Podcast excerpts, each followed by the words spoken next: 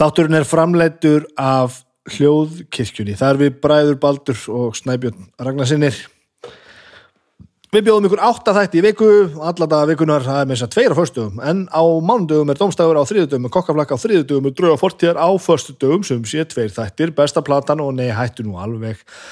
Listamenn á laugadögum, alveg dagsatt á sunnudögum, en í dag er fymtudagur og þá tala ég við fólk, þetta er þátturinn Snæbjörn talar við fólk.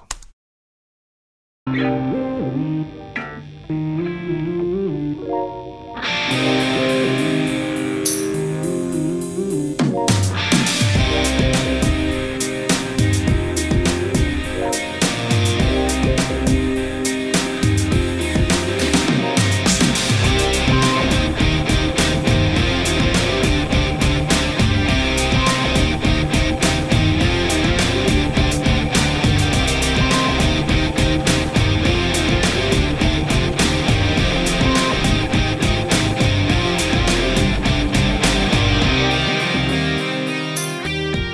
Það held ég og jam og jæ, velkomin í þáttinn minn, Snæbjörn talar við fólk.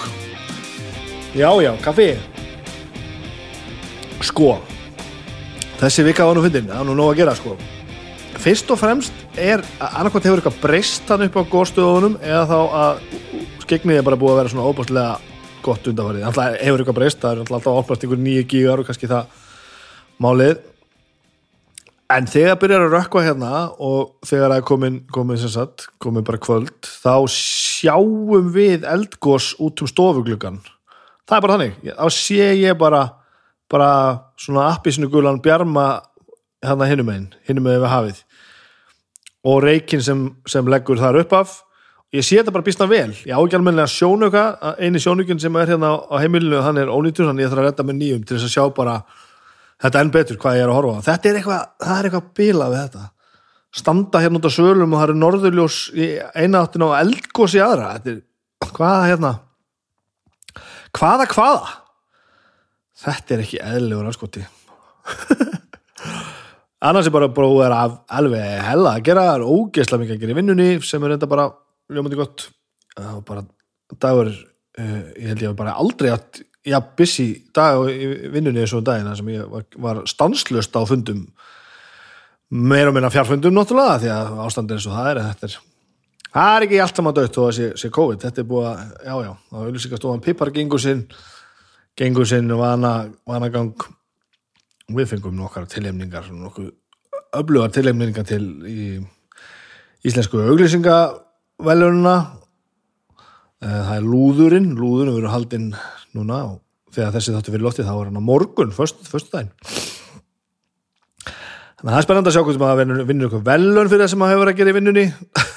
Skrítir vinna sem maður alltaf fá velun fyrir það sem maður gerir. Já, við fáum bæði laun og svo fáum við velun það gengur mjög vel, þannig að þetta er búið að vera gott. Annars var þessi vikanum bara svona jú, við fórum vel saman til tannlagnis, það var frekka fyndið. Gaman að fara með börn sem eru, eru rétt að vera 6 ára og 30 ára til tannlagnis til, til tannlagnis sem að veit hvernig hlutinni virka þeim finnst bara gaman. Annað þóra, tannlæknirinn okkar sér til þess að þeim finnst bara gaman að koma og skoða þetta eins og svona. Þannig ég held að þetta verði, verði gríðalegt það verði bara þetta verði tilhjókunarefni þegar að fram eh, framlega stundir. Tilhjókunarefni að, að fara til tannlæknis. Jújú, eitthvað annað datt nú inn í, inn í vikunni, ég fór upp í rúf tók þátt í upptöku við eh, sjómanstátt, ég veit ekki hvað ég má segja frá því. Best að ég segja frá því setna, en hann fer ekki held ég strax í síningu. Svona einhver spurninga þáttur þar sem ég stóð átti að vera, vera gáðar og fyndin sem að ég, mér hefur nú ekki alltaf tekist um aðeina þetta er allt saman álmi ljómandi gott. Ég ætla þess að vera ekkert að bladra mikið hérna núna, þetta er allt saman, þetta er bara eins og það á að vera. Ég þarf að tala þessum samstagsæðilina Eh, ég talaði um í síðasta þetta með þykvabæjar, ég ætlaði að fara í gratín hérna í, já, fór að bera saman 300 gratín, ég komist ekki yfir að, að smakka neitt að þessum, þessum gratín málum ég er svo komst að einu sem að geti verið leindamál, eða ég geti verið að finna, finna upp reynlega, ég átti hérna ægilega gott brauð og hafði verið með svona salat sem ég fannst gott að hafa með því, svo var það búið. Og ég gæðist inn í ískapinu og fann hérna, ég hef kannski að lesa þetta þess betur þykvabæðasalat, brokkolisalat með beikon og trönuberjum, ég er bara svona í miðju átekundi bara, á, flott við rífum þetta upp og setjum þetta á brauðu, það er svo hryllilega gott. Brokkoli, gott. Beikon, gott, trönuber ég er ekki stórkostlu berjamaður en, en í þessu, þessu samengi í þessu magni fullkomið. Um, og þetta sett ég á brauðu og borðaði. Kom svo bara aði, bara svona þreymur sekundur setna, ég voru að skoða þetta auðvitað náttúrulega á þetta hérna ekki að borða svona, þetta er svona þetta stendur til og með sérna á hliðinni hendar sérstaklega vel með öllum kjötréttum prófaða gratinera í eldföstu móti 15 mínutu við 200 gráður. Ég gerði það alls ekki, ég seti þetta kallt beint og ná brauð og það var mjög, mjög gott. Þannig ég veit ekki hvort ég prófa að hafa þetta með heitum mat í kvöldu eða eitthvað en, en, en hérna, restina af þessu. En hei brokkolisalat með bacon og trönuberjum kallt og ná brauðsnið mæli með hygglust um, það mætti nú bara á hérna öðrum samstagsæðila sjófá uh, ég talaði hérna um tölvusetupið mitt um dagina sem að ég er með minimac Mac mini og sem er skjálaus náttúrulega og búin að finna hérna leið til þess að nota iPadin sem skjá. En sonum ég var að horfa á iPadin upp í kau og hann mista hann nýra golf og sá brotnaði iPadin sem sé. Og þetta gerist um helgina. Mjög gaman, sérstaklega gaman að það svona gerist um helgar. En ég tilkynnti þess að stjónið á sjó, sjóa.is bara, já, já, daginn eftir endar og það tók mig grínlaust svona fjóra mínútur með öllu og með börn öskrandi á mat. Já, hvað gerir það þegar ég átti ekki verið að gera það þegar ég átti að vera sinna börnunum mínum. Og það gekk ótrúlega vel. Þetta er fremst á fórsýðinni tilkynna tjón og ég fór í gegnum ótrúlega einfalt og staðlega ferli kom öll til skila búinn þar ekki að hugsa um meira komið í ferli. Þannig að það gladdi mér nú mikið um, og sjó á að sanna sig enn og aftur sem ég hef þurft að tilkynna alls, alls konar gleru og síma og hitt og þetta djúvisist rastling ég get ekki passað på dóttum mitt aldrei. Þannig að takk til sjó á bæði fyrir að, að stiðja við hljókirkjuna og líka uh, við að stiðja við geðhilsuna hjá mér þegar, þegar að börnin mín brjóta það sem ég á og svo er Reykjavík Róstes eins og alltaf um, kvörni mín er að sanna sig hún er glæsileg, ég er búin að finna mikið út úr þessu með þyktina og með magnið. Um, ég gerði mistökjum um daginn, eða mistök. Ég ætlaði að stýtta með leið, fekk gæsti um, malaði kaffið, fattaði ekki ég var með þetta stilt mjög fínt sem að henda, henda í mokkakonuna. Ákast svo því ég horfið svo nefnir, já best ég fáum einhver pressu, pressu kaffi. Setti þetta fínt malaði kaffi í pressukonuna það gengur ekki upp sko. kaffi varð það varð bara svona mettað. Og náttúrulega bara það var náttúrulega bara korgur í SSD kaffi hleypur bara í gegn, það þarf að vera miklu miklu gróðara fyrir fyrir, fyrir hérna pressukonuna. Þannig að ég fann út úr því nýstilling, meira græ, snúatökkum og það kaffi var frábært. Og restina af þessu fínmala notaði ég svo bara í mokkakonuna. Ég setti þetta bara hérna í lokaða krukku og, og, og mér ætlaði þetta svo í í litlu mokkakonuna hérna síðustu helgi drakk svona einn og einn bodla þannig að þetta er nú allt saman eins og að vera. Þetta er allt gott. Annars er ég bara búin að vera hérna. Jú, ég er búin að meira sér hvað er þetta, ég er búin að vera gaman hjá mér hérna. Ég hérna mm, settist hérna með eldursporið tengdi græur sem ég á hérna sé, já, tengdi hér allt við tölvuna og og tók upp demo, lag demo eitthvað sem ég þarf að út í vinnunni þetta var nú ekki hljómsveitatengt en, en ég hafði svo sem aldrei gert þetta almennilega og náðu mér hérna í, í, í pröfu af því stórkostlega fór þetta í Easy Drummer það sem ég let staðgengil trommara, tölvu trommu trom, græja hérna svona eitthvað í átturinn því sem ég vildi þannig að ég tók hérna trommur, bassa og gítar og söngi yfir og eitthvað og hvað þannig að þess að bara að ég er búin að spila mikið á gítar fyrir vikið síðan. Þetta er alltaf, þetta er alltaf verið betra. Alltaf með hverjum deginu verður lífið betra. Það er mjög gott og mjög gott og mjög gott. Ég þarf ekki að þvara, þvara þetta meira ég er í ægilegu stuði hérna, ég ætla að gera eitthvað við hennan dag. Og þið skulle eins og að hlusta á mig og Valdimar. Hann kom hérna og settist hér hjá mér og spjallaði um mig henni á eldursporið og svo þau eru búin að hlusta þennan þátt ef þið hafið ekki gert það nú þegar þá skulle hlusta á nýja uppáðar slaðarpi mitt sem eru listamenn sem eru á dagská hljókekjunni á lögadugum þar sem að Valdimar og Öld, Öld, Öld Eldjátt Örn Eldjátt um, setja saman topp 10 lista yfir alls konar vitleysu það er með þess að skúpi í þessum þetta það eru upplýsingar um hvað er í næsta þetta uh, við förum mjög völl bæði á, á grinningarnar og svo förum við líka á dýftina og tölum um það sem þarf að tala um. Og hann er stórkostlega þengjandi maður af Valdimar fyrir þetta að vera náttúrulega eitt besti söngværi þjóðarinnar og ofbóstlu músikant, við fánum einmitt meiri insinn í, í það, hvernig það kom nú allt saman til þá hefur hann náttúrulega þurft að, að eiga við, við, við já, díla þess við lífið og hefur gert það og gert það vel án þess án þess að gera of mikið eða of lítið úr því. Hlustiði nú á mig og Valdimar hérna með eldursporið, njótiði vel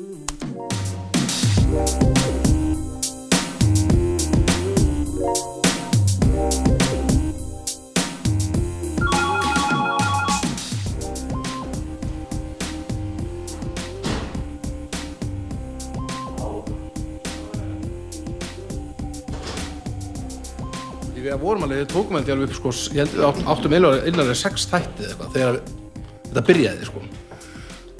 Minni mig að við alveg, fyrstu sex þættin hefði verið búið að taka það upp áður en að Ég er búin að hlusta á þetta allt sko. Já, já, Ég held að viðtalið sér byrja, ég er búin að setja í gang. Má já, ok, ok. Má hér Halló, halló? Já, ertu, já. Já, hérna. Ég er búin að hlusta á þetta allt.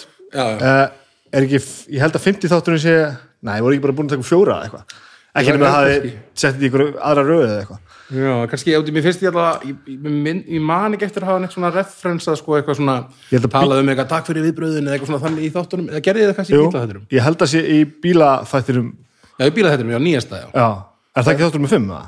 Er það ekki, er alveg komið upp í þáttum sjö núna eða eitthvað? Ég sem að Svo- fara að taka svo- upp níu og tíu næst. Svo verður maður svona líka, maður man ekki neitt einmitt. Þetta rennur allt saman sko. Ég ætla, að aðtuga það Mér finnst eins og, við vorum ekki að tala um þetta, hugsalega var það kannski í þætti nummer sex. Jú, herðu, það er rétt Þetta er sjöundi þátturinn Já, bílaþáttur já, einmitt, þetta er fljótt, fljótt að vera komið sko upp í, við ætlum að reyna kannski að hugsa þetta í seríum, sko, tíu þáttar seríur. Nei, þið verður að vera alltaf bara Já, það er bara, Já, ég, þetta, er, þetta, er, Langbest. þetta er grínlaust upp á slagum mitt. ég er ekki, ég er ekki að skalla einhver neitt sko. Já. þetta- mér finnst þetta ekki eðlilega skemmtilegt já, ok, gaman að heyra það. ég veit Þetta er ekki, ég er ekki að það búin að setja fingurinn nákvæmlega á það hvað það er sko Nei, nei, nei, nei, einmitt. að það er eitthvað það er eitt sem verðið að gera samt sko. Já, þið verðið að búa til bingo stefið sem að já, sem að Örn sko hótaði slags lofaði bara þetta í eitt eða eitthvað, sko. þegar þið eru með sama sko, Þá kemur að eitthvað hann lofaði að sampla þetta og gera úr því og hann gerði það ekki sko. Hér er kannski gaman. Já, já, einmitt. hér er vatn og þetta er kaffi mjög stert, þannig að hér er heitt vatn eða þú vilt ekki svona stert kaffi Ég er, ég er svolítið fyrir stekka þetta. Sko, svo, þá áttu eftir að fíla þetta en ég, sósu þátturinn er ennþá bestur sko Já, það, ok. hann er legendary sko. það er eitthvað, ég sagði þetta í trailetum um einhverjum, einhverjum þætti, en- eða hvort þetta var í, ég var að tala um þetta í bestu plötun eitthvað, ég er búin að tala um þáttir bara allstað sko. það, ok. það er eitthvað stórkostlegt við að vera að fara að hlusta á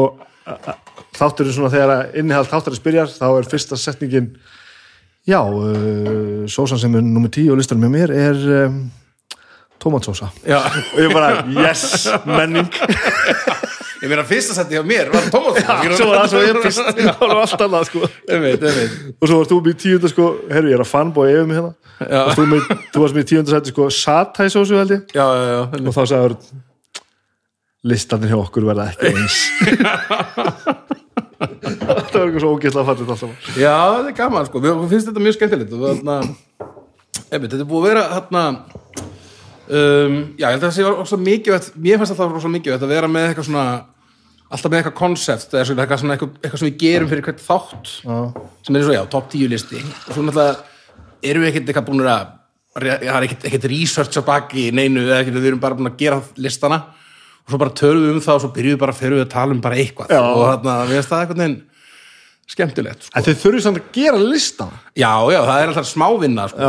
Og, og við erum alveg að pæla á alveg, að, svona, við, nú- núna, við vorum í gæra ákveða næstu tvo sko. og nú erum við búin að velta fyrir sér já, hvað finnst mér hérna eitthvað, er hérna eins og með sós eða hvað var aftur, það var núna nýjasti, ég veit ekki hvort ég er svona spoila næsta þetta þessi, þessi fyrir losti á fimmtæn sko þannig að þá ertu að spoila sko tvo dagar fram í Já, já, ok, þannig að við segjum bara, já, næsti þáttur er sko heimilistæki. Já, gott, að- spoiler, spoiler, velgert heimilistæki? Heimilistæki, þannig að við erum nú að velta fyrir hvaða heimilistæki er best hérna, er maður að velta þessu fyrir sér?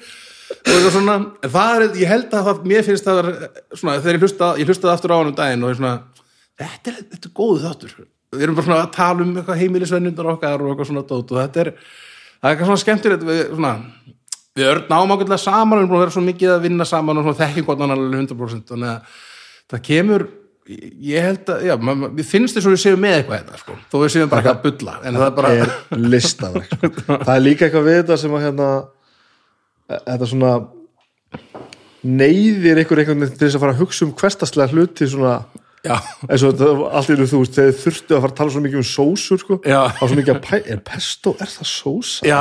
Og þá var maður sjálfur bara nei maður Nei, bara, þetta er mög maður. svo en, svo, en svo hérna fann ég náttúrulega bara til með einhverjum sem bítla þætti sko. já, já, já, það er náttúrulega bara, það var einhverjum einhverjum mann á sko. það má já, það er ekki hægt. Ég hefði aldrei geta sett svona, svona lista saman sko. Nei, þetta eins og, við töluðum um í byrjun sko, bara, bara við hefum gert þáttinn þreymur dögum setna það hefði listandi litið allt öðru sko, þetta er bara alveg, svoleiðis listar er bara eitthvað svona hvernig leið mér daginn sem ég gerði listan. Eða svona, það er ekkert eitthvað hægt að fullir að þetta sé eitthvað besta eða þetta sé betra verra eða hi- en eitthvað annað sko. og svo auðvitað eftir hvern einasta þátt fá, fæði maður alltaf hvernig gáttu þið, hvað, hvað er þetta lag? Hvað, hvað er þessi sósa hér? Eða eitthvað svona þannig tótt sko. Þannig verður þetta að vera. Já, og ég svona, ég vonaði að veði meira sko, þú mér að fara að fá sko núna svona sjokkaruð bara, svona, ég slökti bara, ég gæti ekki hlust á meira eftir eitthvað svona þetta og veist, það er því gaman að fá svona eitthvað, passjón sko. en það er það sem þessi hlutir eru það er sem ekki passar í þessu sko. Já, einmitt, einmitt, eins og þetta bara, þetta sósustof sko. og, meina, er og, og það er líka eitt sem nú finn ég eitt, sko, eitt sem þetta gerir sko.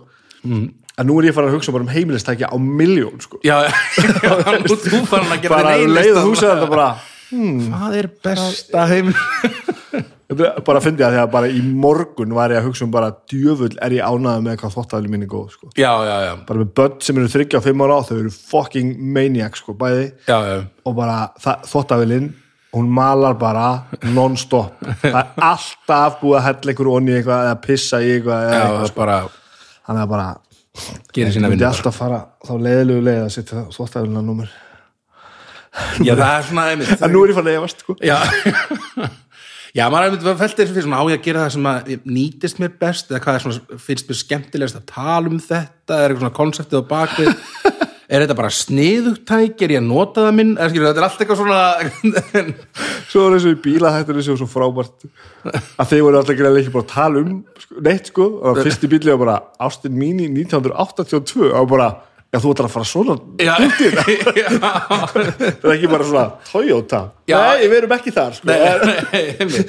Já, ég var alveg með að maður, ég vissi alveg svona hvað tegundir af bílum ég ætla að tala um en ég var ekki með þessu örn með sko ártölum ég já, og bara, það var- og bara eintak Já. hann, var bara stundum að tala um einn bíl Já, sko. einmitt. hann fór mjög djúpt í þetta ég, það var mjög ég veist, það er skemmt, mér finnst það skemmtilegt það er svona, kemur eitthvað svona óvænt eitthvað, einhver kannski gerir þetta öðru sem hinn og þá getur við talað um það og svona, þetta er bara en það er ekki, bingo soundið annars bara hætti ég að hlusta þetta er verður ok, það. við bara, já, einmitt, við kannski reynum að ég heyri þetta fyrir næsta þátt. Þannig að koma því inn. Manstu þegar við hittust fyrst? Já þú, byttu nú við fyrst. Ég held að þetta sé fyrst sko, sem ég er mjög hefðu sko, ég man, sko, fyrsta samtalið sem ég man eftir var, var á Akureyri, sko en ég, við höfum örgulega hist eitthvað svona fyrir það Akureyri? ég man bara eftir að við áttum svona ágætið samtal uh, uh, ég var allavega fyrir drukkin uh, Greinilega þarna- ég líka. já, þarna, þetta var fyrir utan held ég uh, þarna, pianobarinn já, Götubarinn, akkurat ég mann þessu já, Það við áttum svona ágætis á svona svolítið svona Alveg rétt, já. það var svona svolítið trúnó samtal sko, Alveg man rétt. um, en ég, hef- ég hef nú örgulega hitti alveg eitthvað fyrir það, sko, en ég man að það var svona fyrsta svona samtali sem við áttum, sko það hlýtur að hafa verið eftir á spilaði með hálfutónum Já, já, já, auðvitað, ég hitti því náttúrulega, já, einmitt, já, já, já, já, já, hvernig get ég, get ég glemt því? ég, spilaði fara, ég, ég fór bara eitthvað aftur í árin bara, hitti ég hann á Trúnó fyrir það? Já, já, nei, nei, nei, þetta er, þetta er, ég það er alltaf eftir að ég byrjaði að syngja og Já, svona, þá þarna var ég- þá orðinn Valdimar. Þeim tíma var ég bara básunuleikarinn, í listaháskólanum, Valdemar Guðmundsson. akkur hérna, svo ég upplýsi hlustendur sem ég held ég aldrei gert bara þetta er fyrst, fyrst, fyrsta sem, sem ég upplýsi hlustendur um eitthvað þess að ég útskýri eitthvað sem þú veist hérna. Já, hálfvitarnir voru sem sagt búin að gefa plötu og það var lúðra stöf á plötunni -hmm. og við vorum að spila útgáðtónleikum og básónuleikarinn komst ekki sem að spila á plötuna eða var bara ekki til staðar eða eitthvað já, já, já. og okkur vantar básónuleikara og ég man, ég veit ekkert hvernig það Nei, gerðist ég- að þú komst sko. ég man ekkert hver það var sem hafði samband eða hve- hvernig það var. Ég, að því ég held að engin okkar hafi þekkt því sko. nei, ég, nei ég, ég, ég þekkti ykkur ekki neitt sko, ég held ég hef ekki þekkt, heldur sko bandið, trompetleikaran sem var líka og, var það ekki annar lilja sem var jú, jú, jú, jú. þannig ég þekkti ég þekkti bara engan að það, ég man ekki af hver, hver það var sem hafði samband eða hvernig það gerðist að ég fekk þetta gig, en ég man, já, ég man þetta ég mætti og svo var þetta ekki í gamla bíó Jú, já, einmitt, þetta bara, ég man þetta var mjög skemmtilegt gig sko. já, það var mjög skemmtilegt. Og þarna, einmitt, ég er að kynast ykkur öllu þannig þessi skipti, sko.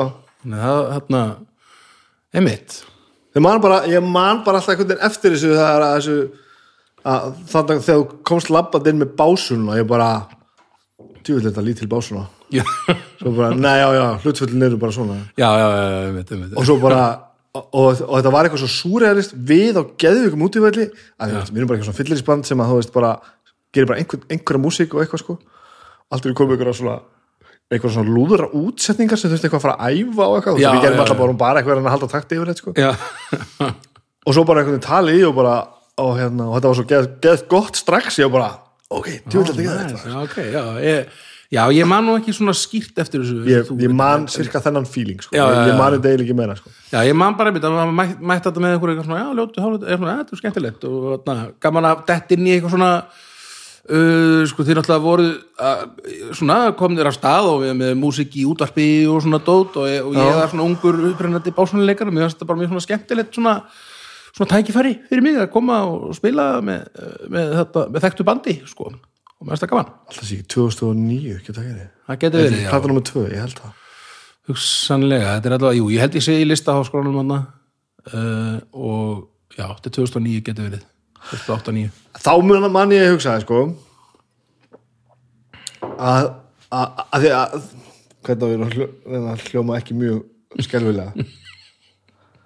Mín einslaði að fá hljóðfæraleikara úr annari átt til þess að spila þetta er reyndar held ég aðeins að orðið skána sem er ekki fara orðið í, þessu.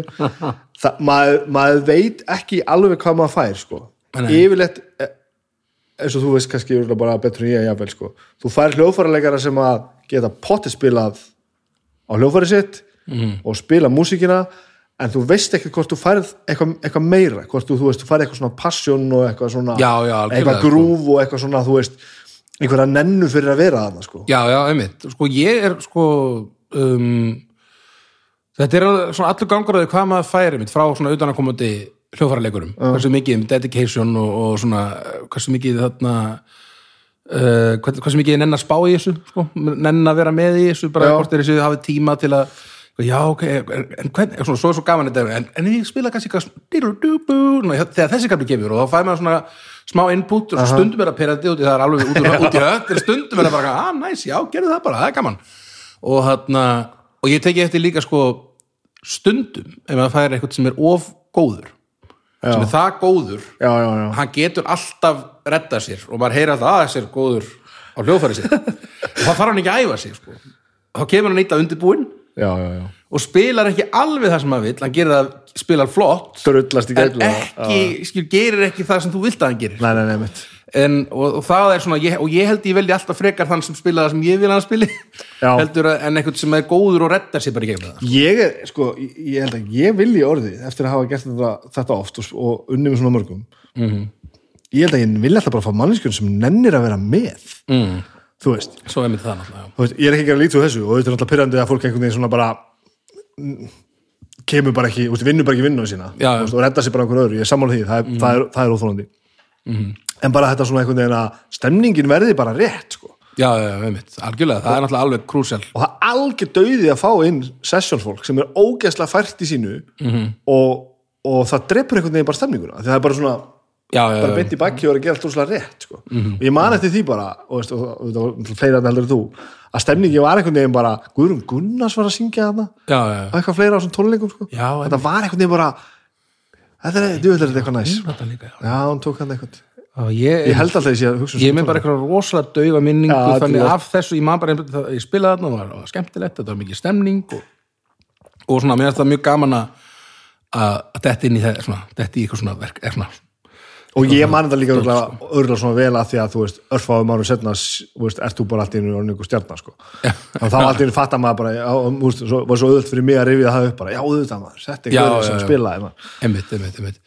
Já, já, maður. var alveg, maður datt inn í einhver sko, svona verka, svona spila með hinn og þessum uh, það var hérna ég reyna mjög, svona, ég spilaði ég spilaði, ég datt stundum inn í svona verkefni með svo Sammi, mm Sammi Jaguar, hann var með þetta stóðsettina sína Uh, uh, ég datt inn í einhver svona gig með honum, við fóðum til útlanda og spilaði með honum og kynntist alls konar fólki gegnum það og, og, og, og ég þekkti ógeðslega mikið af fólki í bransanum áður en að maður datt inn í datt svona inn í bransan heila, og hérna uh, og ég spilaði líka með hérna ah, hvað hétu þér eftir hérna Kimi, hérna frá, frá Egilstöðum já, já, já. eða þetta þarna austan allavega? Austan, austan. já, hérna uh, alveg rétt. það, það var ógslag skemmtilegt fannst mér og ég spilaði með þeim held ég, mér finnst að ég hefi eða var það kannski bara setna sem þeir spiluðu á sama giggi og Valdimar ekkert um hann og þá grínaðist maður eitthvað, eða og ekki verið að spila með eitthvað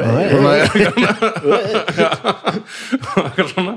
Uh, en að maður, já, já, það var svona áður en að maður fór, svona, steg fram og sagði, hei, ég er, halló, ég er söngvari eitthvað svona, þá var maður búin að spila hér, svona, þekk, kennast alls konar fólki hér og þar og þekktu ógstæð mikið af þessu- fólki sem maður er að vinna með síðan í dag sko, sem vissi ég raun ekkert að maður væri að syngja neitt sko.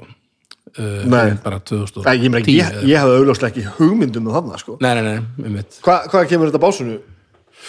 uh, sko ég bara, ég lærði bara á bá eða, svo, uh, ég byrjaði hvað, nýja ára gamall að læra básunum í Keflavík skul, nú, nú skulum við bara fara tilbaka Já.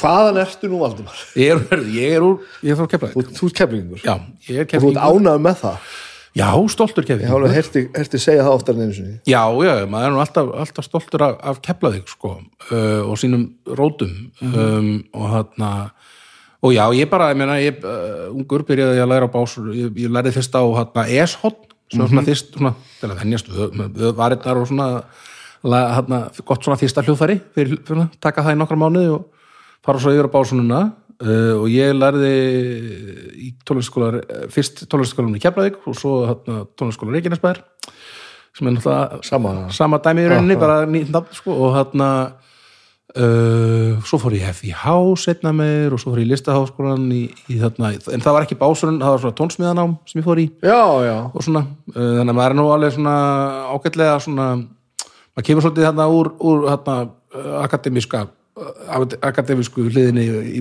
í, í, í músikinni er þetta heima frá þér? að- Hvað segirðu? Er, fær þetta heiman? Hva- hvernig, þú veist fóreldræðinir músikantar? Uh, sko pappi er þarna hefur verið bara uh, sko hann var, hann var alltaf að spila svona á skemmtar um helgar og það var svona skemmtarakall þarna, og er enn þarna, á pöpunum? á pöpunum Ó, og, það er og- listgrein maður. já, það er geggja dæmi sko. og mér, ég maður hafa alltaf gaman að hlusta pappa æfa sig heima alls konar lögum og þarna uh, og hann hafði nú lært eitthvað þegar hann var krakki sko, en, en, en hætti mjög snemma er svona frekar snemma held ég að læra á hvort það er lært, hvað var hann eftir á baritónhotn eða eitthvað að blása sér satt að blása Já, sko já. Uh, og það var eitthvað svona, það var eitthvað svona, svona, svona heldur svona á taka eitthvað, baritón eða, ég held að ekki verið túba, lítur eiginlega að hafa verið baritón. Okay. en þarna og þarna, en hann hætti svona frekar ungur og sá alltaf eftir því. Og þessi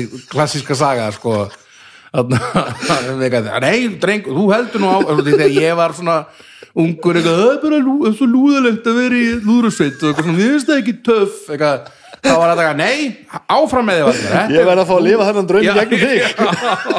sko. en svo ég, er mjög þakkláttur fyrir það Já, að hann hafi haldið manni gangandi gegnum þetta. Er svona, þetta sé um, að í dag er ég bara rosalega ánægð með þessan mentur sem ég fekk og Mm. þarna og en þeim, þetta er þessi klassíska saga alltaf um hennan foreldra sem er eitthvað svona Já, svona, sem að hætti á sínum tíma og sér eftir því í dag. Og ég held að það sem ég, ég held að það væri einmitt gott að þessi fílingu væri sterkari sko, mér finnst þess að krakkar sé ekkit það mikið að læra á mér finnst þess að sé, eins og þetta sé pínu svona dvínandi mentun, eða séu færri og færri alltaf að leitast að því að læra á þessi hljóðfæri sko. Að blása mennur á svona blástusljóðfærin og brassi, mér finnst alltaf ég veit ekki, kannski var þetta alltaf þannig þegar krakki líka, það voru bara mjög fáir að læra á básunu og miklu fleiri að læra á trompet eða, eða erendar, já eða, og, og svo var alltaf byðlistin á pí, í píanónámið og gítarnámið og trommurnar og, og allt þetta, Já, já. allir sér svona töff hljóðfæri og Já, mainstream stöð já, svona meins, já, er svona meira pop músíkar hljó, hljóðfæri svona einhvern veginn. Um, uh, og mér, mér, finnst þess að að ef, þú, sækir um og að til að, að, að læra á túbu í mm. tónarskóla þá ætti ekki, ekki að býða neitt er bara, já, en viltu koma að læra á túbu endilega komt inn, endilega kom, fara að læra á Já, túbu nákvæmlega, nákvæmlega. Þannig að ég held að það væri eh, já, ég, að maður ætti kannski nú er ég bara svona að hugsa eitthvað er, þetta er alltaf svona hugsanir að koma bara upp um mér akkurat núna, ég er ekkert búin að fæla nú mikið í þessu, eða mætti verið eitthvað svona vitundavakning, krakkar þarna brassljóðfæri og blástursljóðfæri bara eru, eru snild sko. Já, sko, þetta var svolítið skemmt fyrir ég er, örugglega- ég er svolítið eldri þú þetta var skemmt fyrir, sko, fyr- fyrir mínum aldri að þetta var sko, innan allra mögulega gæsalappa svo leiðilegt sko. Já, þú veist, þetta var bara klassík eða einhver stórsveit sko. já, já, með fullir vinningu fyrir því en þegar þú ert 12 ára já, já. þá, þá, þá viltu alveg kannski eitthvað annað og eða meira sko. og svo fattaði ég ekki fyrir bara allt og sent sko, þegar ég fór að hlusta bara einhver að því að ég hlustaði mjög mikið á punk, amerísk punk. Já, já, og svo fór ég að hlusta á þetta ska-punk og meina, það er básunleikar í um öllum sko, Já, til dæmis bara, bara saxofón, básun og trompet það tríó er til dæmis bara ég á bara mörgu uppáhaldsbönd sem spila bara punk. Og fólk sem vinnur við, við það að spila saxofón í svoleiðis bandi sko. ef ég hefði Það vitað geggjað, það, sko. já. Þannig, að, veist, og nú er ekki að gera lítið úr klassikinni, alls ekki sko. Nei, nei, en ég fór ekki að læra hljóðfæri til þess að sitja við nótnastatíf sko. Já, já, og ég held að þetta er eitthvað ákveðið svona, svona, svona challenge, sko, að fá krakka til að hafa áhuga á þessu námi, eða að, að hafa áhuga á, einmitt, á, á klassísk músík er ekkert mjög spennandi fyrir krakka, svona, Nei, það er bara, er það ekki, sko. svo er, bara það er erfitt að vekja áhuga, sko, hjá svona stórum hluta eh, krakka í dag á svona músík, sko og, já, og kannski líka bara öllu sko. já, já, þráin átni skálmöld sko, hann er með, með, hérna, með tónlistarskólan Tónholt Mhm. hann kennir mest á gítarinn svona bara á allt, allan aðskotan sko. Mhm. og hann er einmitt með þessa stefnu bara að byrja á því að koma inn fyrir tilfinningu að þetta sé gaman. Mhm, já, já, veist, um leiða bara búið að planta þess inn, komdu, gerum eitthvað já, ég man bara, ég settist inn í fyrsta gítartíman og bara og ég var bara fann að spila skala og skala og skala og skala og skala og ég meina, ég veit óska að ég hefði lært mér að skölum að því ég náttúrulega sagði bara fokk því svo hætti þessu sko. Já, já, já, ef það hefði ef ef- ef þið geta byrjað einhvers staðar aðeins annar stað sko. einmitt. Kveikja áhugan skilur bara leið mér að gera það sem ég vildi gera og fara svo í bara, herðu, það sem þú ert að gera hér það er þetta hér. Æfðu nú þetta hérna sko. Já, einmitt, en að ég var á móti bara, og bara eitthvað tólfræði bara, ég vissi ekkert hvað ég var að læra sko. Einmitt þetta er svona og bara ekki hvað ég á að gera við þetta þetta er bara einhverja reglur sko. Já, einmitt. Þetta er, veit, jú, þetta er náttúrulega auðvitað allt spurning um hvernig þetta er sett fram og, og þarna og sko, ég meina, ég man, ég meina þegar ég var að læra, einmitt, þegar maður var að læra sjálf, það munaði öllum að fyrir kannski fór í einhvern uh, tíma í einhvers konar hljóð, hljómfræði eða hvað, hvað þetta var tónheyrn eða tónfræði og svona skil, einmitt, maður skildi ekki neitt og átti erfitt með að, svona, ég á rosa erfitt með að ég bara yfir höfuð og ég er erfitt með að sitja og hlusta á eitthvað tala og segja mér eitthvað, hvort sem það er áhugavert eða ekki. Við erum um öll erfið já, með það. já, já, sitja bara þögull og svo bara halda fókus. Og ég, ég er bara einhvern veginn, ég veit ekki hvort það sé eitthvað bara, þetta er örugglega kannski bara hjá mjög mörgum en þarna, ég á mjög öll með að, so, að sóna út bara og ekki taka inn það sem við verið að segja mér sko, og þarna en sem svo einhver, svo kannski skiptir, skiptir þetta um, ég man, ein, á einhverjum ástæðum fór, kom annar kennari inn í einhvern kúrs hjá mér. Og þá opnaðist allt, allt einu, þá allt í einu bara, já, ég skil um hvað þú tala, já, ok, þetta er, þetta er bara svona, ok, það er flott. ástæða fyrir þessu. Já, það er ástæð, já, ok, þetta er bara nú skil ég þetta og nú er þetta bara ekkert mál einhvern veginn, það er bara munan öllu um hvernig þetta er sett hvernig þetta er sett fyrir fram að þeir, sko, einhvern veginn. Þannig að ég, þarna já, ég held að þetta sé í sambandi við svona tónlistanám og svona þetta er svolítið sem að þyrfti hugsalega að fara aðeins að kíkja á svona, sem ég heldur endur að sé svolítið mikið verið að gera Já, sko. alveg potið sko. og, miklu- og, og ég veit að það verið að gera það og Já. ég, ég var ég var nú, það nú ekki langt síðan ég var tónlistarkennari sko. og, er, og, og hérna ég var sem sagt að, að núna í hérna, september síðastliðin uh, þá byrjaði ég sem sagt að var að kenna í tónlistarskólanum í Reykjanesbæ var að, á, á blástur eða? já, ég var að kenna sko, það var, það var svona brass hljóðfæri sem var túba, trompet, básuna og svona. Og þarna og var síðan uh, meðstjórnandi í uh, Lúðrasveit B sem er svona milli þarna mi, já, komið miðlangt nei, það er ekki komið mjög langt og ekki komið mjög stutt það er svona milli þarna, sveitin svolítið, já, já. og þarna og uh, já, það var mjög skemmtilegt sko, ég datt svona, uh, svona óvænt inn í það svolítið, þetta var svona þarna, það var svona kennari sem var í svona, fór í bátegna uh, leifi og þarna og það var annar kennari komin inn í það inn í það stað, átt að fara að kenna það einhverja, ég man ekki hvað það var margir mánuður hálft ára eða nýja mánuður eða eitthvað. Og svo dettur hún út bara nokkrum vikum áður en átt að fara bara, þetta var rosa stuttu fyrir ég, þeir töluðu um mig bara getur þú byrjað í næstu viku. Og það var bara eitthvað svona og, og ég bara eitthvað það var mjög lítið að gera hjá mér náttúrulega út af COVID og svona mm -hmm. svo að þetta vita. Og þarna það var bara, já, er bara fínt. Tjekkum með þessu og þetta var, þetta var held ég hvað 40-50% staða eða eitthvað. Og það var mjög gaman að svona prófa þetta sko. Og þarna og mjög, mjög, mjög, mjög svona út í ég áður en ég byrjaði að kenna þá var ég alltaf svona hugsa, eh, ef ég þurfti að eiga samskipti við, við börn aha. þá var ég alltaf að stressaði mig bara. Ég veit ekki af hverju, en ég var alltaf bara svona pínu stressaður svona einhvern veginn að tala við, er við börn. þannig, ég er þannig sko. og það er eitthvað svona sem ég átti svo eitthvað svona ú, ég kannski þarf að passa hvað ég segi eða hvernig ég, hvernig ég orða hlutina og svona þannig.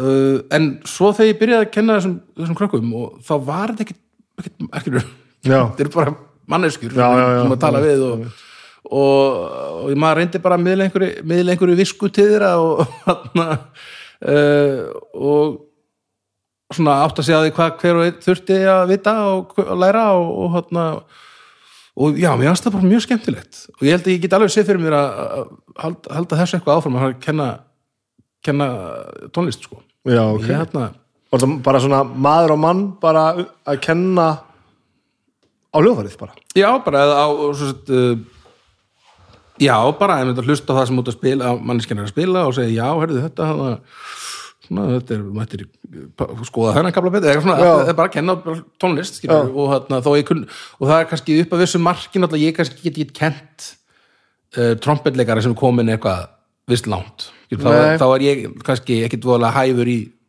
að kenna þeim á trompet sko. en er út í aðalega ke- kemur hann úr básunu leiknum sko. en, en að þessu, þessu krakkar sem eru svona kom- stýttir það mjög aðst mjög, mjög ég alveg út í mér svo hrættur um að ég gæti þetta ekki eitthvað, að ég væri eitthvað ættir og svo erfitt með að að, að segja þeim eitthvað sem var gáðulegt sko. en mér tókst mér alveg að gera það þetta þannig að þetta ég var alveg til ég að, að svona ég er alveg opið fyrir ykkur er að leita kennara en það Bráðvantar er básunu kennar Já, þá get ég alveg skoða það sko. Þetta er skemmtilegt. -hmm. Þetta er magnað. Hérna, svo fyrir maður aftur, tilbaka í, á keflaðið Já, Pabbiðin var og er skemmtara maður. Já. Og hvernig eru hvernig er fjölskyldu, fjölskyldan samansett uh, Já, ég svo er á ég mömmu. Og hérna, hún hérna kennari, þau, þau kendu lengi vel bæði í Holtaskóla uh fóru sem bæði yfir í Heiðaskóla í Keflavík og hérna svo hérna fór mamma og núna er búin að vera, mamma búin að vera að kenna uh, viðstöð símyndunar uh, í Reykjanesbæ. Þarna sem að er svona aðalega að kenna ú- útlenskum uh, útlendu, útlendu fólki uh, í, íslensku og held ég ennsku líka og eitthvað svona. Uh, hún er búin að vera því og þau eru, þau eru skilin í dag mamma og pappi, bara svo því sé haldið til laga og þarna og svo er ég eina systur uh, sem býr í býr núna í Sængerði og á stóra fjölskyldu. Fjögur börn og og bara í geggjum málum sko. En engin svona augljós tónlistatenging nema, nema skemmtarinn uh, já sko pappi náttúrulega, pappi er mjög svona mú, mikill músikant og var í mörgum hljómsveitum í gamla daga Hvað heitir pabbi?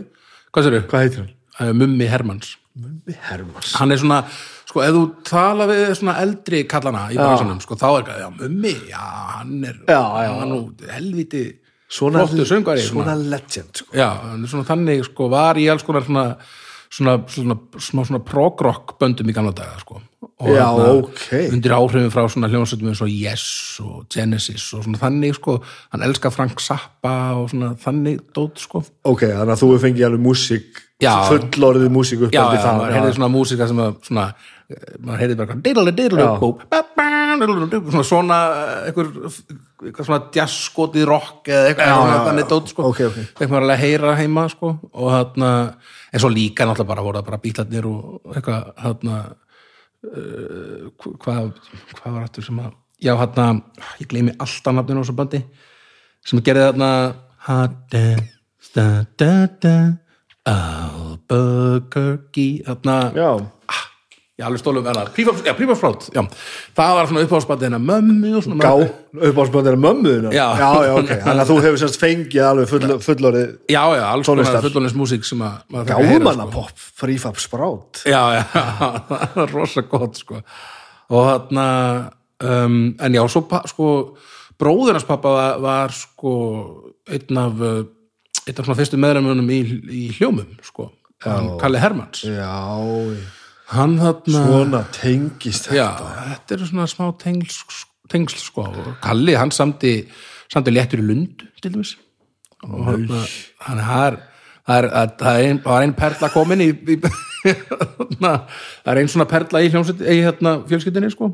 Uh, og ég held að hann hefði samjálega fleiri lög sko. Og þarna uh, já og svo hættir hann þarna í hljómum held ég bara rétt áður en þeir verða svona stórt þing sko. Já, um, þannig að það, jú, jú, það er alveg, það er alveg músík. Já, ég heyrði það. í fjölskyldinni sko. Og mamma er mjög músíkast líka og þarna, ég man að bæði mamma og pappi tóku þátt eitthvað með einhver svona karaoke keppni og mamma kom heim með eitthvað svona þriðasættir spikar og ég ég var svona, næs, mamma góður. Ég man ég var svona pínum svona afbríðisam, ég langaði að eigna svona byggar sko, og svona. Og þess vegna var, þess vegna varstu rockstar. Já, ég langaði að eigna svona byggar og en þannig að jú, það er, það alveg hellingur af, af tónlistan þó það kannski sé ekki eitthvað svona uh, þó uh, ekki eitthvað svona household names eða eitthvað, en, en, svona, en það er alveg helling, hellingar og músík þarna, sko. Hvað ert að gera þarna annað heldur en að að spila básinu þegar þú ert krakki? Uh, ég æfði körfubólta yes. og, en, og þarna ég maður við vorum reyndar ekkert eitthvað sérstaklega við vorum svona ein, einn af flokkunum sem voru ekkert sérstaklega góðir. Og talaði um svona já, þarna, já, gengur rosa vel eitthvað nema reyndar þarna 85 árgangurinn, hann er ekki góður. Það voru alltaf eitthvað inn í bjeriðli og alltaf alltaf smá vambriðum sko. En, þarna, en það var mjög skemmtilegt að hafa körbólta og þarna, ég var reyndar svona um, þegar, þegar ég var yngri þá var ég alltaf miklu stærri en allir aðrir. Ég var alveg svona þegar þú skoðar þetta mynda mér í fjórðabekk sko, það var eins og sé bara svona fullorinn maður mættur veginn, í, sko, í skóla myndatöku í bekkjamyndatökuna sko. þú ert náttúrulega, hvað er þetta hár? ég er 1.90 ég er ekkert eitthvað eitthvað svakalega jafn- ertu jafn hár og ég? já, Vá hvað mér finnst þess að sér herri heldur við já, ég held að kannski bara út af um, það er svona, breyttin bætir það ég það er nú eitthvað samt svona- oft, mér finnst finnst það nú oftur að öfugt að svona Já. grant fólk ef þetta virkar einhvern veginn herra því að, að ég veit ekki mér, já, ég ég veit ekki ekki hvað hvað, veldur en, ég er ekki já. að rengja því ég, ég ég þér er alveg, 1.90 sko. en hann og meira að segja, já ég held sem ég sé eitthvað 1.88 eða eitthvað sko. En hann alveg, já ég held ég sé ekki ég held ég ná ekki yfir 1.90 við þurfum að aðtöða þetta já, Ég- teka svo næstu fann að rengja því sko. en hann en ég var mjög snemma or- orðin svona svolítið hávaksinn sko. Og hann og ég man þegar ég var að byrja í þegar ég fór upp í sko ég fór upp í Holtaskóla í sjöundabekk þetta var í keflaði var þetta þannig að það var varst á öðrum til sjöttabekk varst í Milborgskóla og svo fórst í sjöndu tíundabekk í Holtaskóla. Já. og það var sýsti mér var í tíundabekk og ég maður að það var svona bekkjabróður hennar er þetta bróðir þinn? hvernig hann er miklu stærri natturinn þetta var svona eins og ég væri bara eitthvað- ég var svo, svo ógæslega stór og ég, það bara leit út fyrir að ég myndi vera bara eitthvað 2 og 10 eða eitthvað sko. En, en sem bara hætti ég að stekka. Og, og allir urðu jafn stórir að ég stærri en ég í köruboltanum og þá var kannski ekki eins ekki eins, ekki eins, til körunni en svo vildi ég líka vera sko, ég vildi úkslega mikið vera Jordan sko. ég vildi vera að skjóta Já, já, aðeins já. utan köruna og hoppa svona, svona frá og svona taka þannig skott og það var ekkert svona, þeir vildi en þjálfaraði vildi alltaf setja mundi köruna ekki já. taktu bara þessi frákvört hendur sem boltanum í körfunar Já, já. þessi fílingu sko og ég var svo mikið svona eitthvað, æ, en vil, þeir vilja það kannski ekki svona Svo góður gaur ég var alltaf góður gaur til að vera eitthvað að berjast undir körfunni sko. þannig að, já, já. Með, ég, þarna, ég elskar körfubólta ég ég fylgist mjög mikið með NBA og svona alltaf kefningingarinn og heldur góðið núna í körfunni og þannig að það er alltaf já, það er svona upp á, upp á sportið mitt sem ég, ég kem inn á í þætturum þarna. Vissulega, spoiler, spoiler en já, það, já og svo bara uh, já, svo, ég held að þetta var all dótið mitt, það var bara körfubólti og tónlistaskólinn sko, og svo bara já, svo, já og ég var mjög rólegur krakki. Ég var ekki, ég var ekki svona það var aldrei neitt vesin á mér og svona, fór svona lítið fyrir mér í skólanum held ég og svona. Mm. svona þannig. Um, já, átti alltaf svona nokkra bara góða vini og svona, ég var ekki þessi þarna, ég var engin svona uh, já, eins og segja, það fór ekki mikið fyrir mér mm. í skólanum og svona um, svo fór ég í fjölskóla Suðunisja, kláraði þar eitthvað uh, veitum, ég var á félagsæðabraut kláraði það bara eitthvað á aðeins lengri tíma en eðlilegt þykir og svona, bara svona skreiði svolítið í gegnum það með eitthvað 25 eða eitthvað uh, var ekki við dölunum að því 25 Já. Það er hljómar bara svo sigur sko. já, já, ég var svolítið það var svo ógeðslega oft sem ég fór í eitthvað svona lokapróf og var bara eitthvað, oh, ok, ég ætla að læra fyrir prófið svo sjáum við hvað gerir, ég er að bóta ekki að fara að ná þessu og svo bara eitthvað, ah, náði ég, all right og svo bara náði alltaf 4,6 eða hvað það var, sko, eitthvað þannig að alltaf markmiði hjá mér að komast yfir 4,5, sko, þá sjálfsögð þannig að þetta var er þetta það- skólagangum mín var svolítið þannig bara. Kostar þetta meira lett eða einhverju svona alvöru námsverðerfileikar bara leti held ég sko. Því að alltaf, eins og segi, það er alltaf þegar maður þurft að læra eitthvað fyrir prófið, þá náðum maður kannski og það var svona pyrraði kannski, ég ímyndi mér að ég var mjög pyrrandi nefnandi, það var ekkert að nenna þessu og svo hvernig fekk hann segja sjö í þessu prófið, er þetta Svartur. þannig eitthvað svona Í dag var það vændur um svindl já, já, eitthvað svo, já, einmitt. En þetta var bara eitthvað, maður bara rétt það, ég var aldrei að gera neitt fyrir að koma að einhverjum svona alvöru prófum. Og svo, þannig að ég fekk alltaf eitthvað, þrjá fyrir þarna, allt stótið og svo sjö fyrir lokaprófið og náði inn í þeir fimm, skilur þannig að það var alltaf það var bara besta leið sko. Hei, ef ef það virkar Varstu, varstu þannig með eitthvað, þú vissir eitthvað hvað þú ætlar að gera?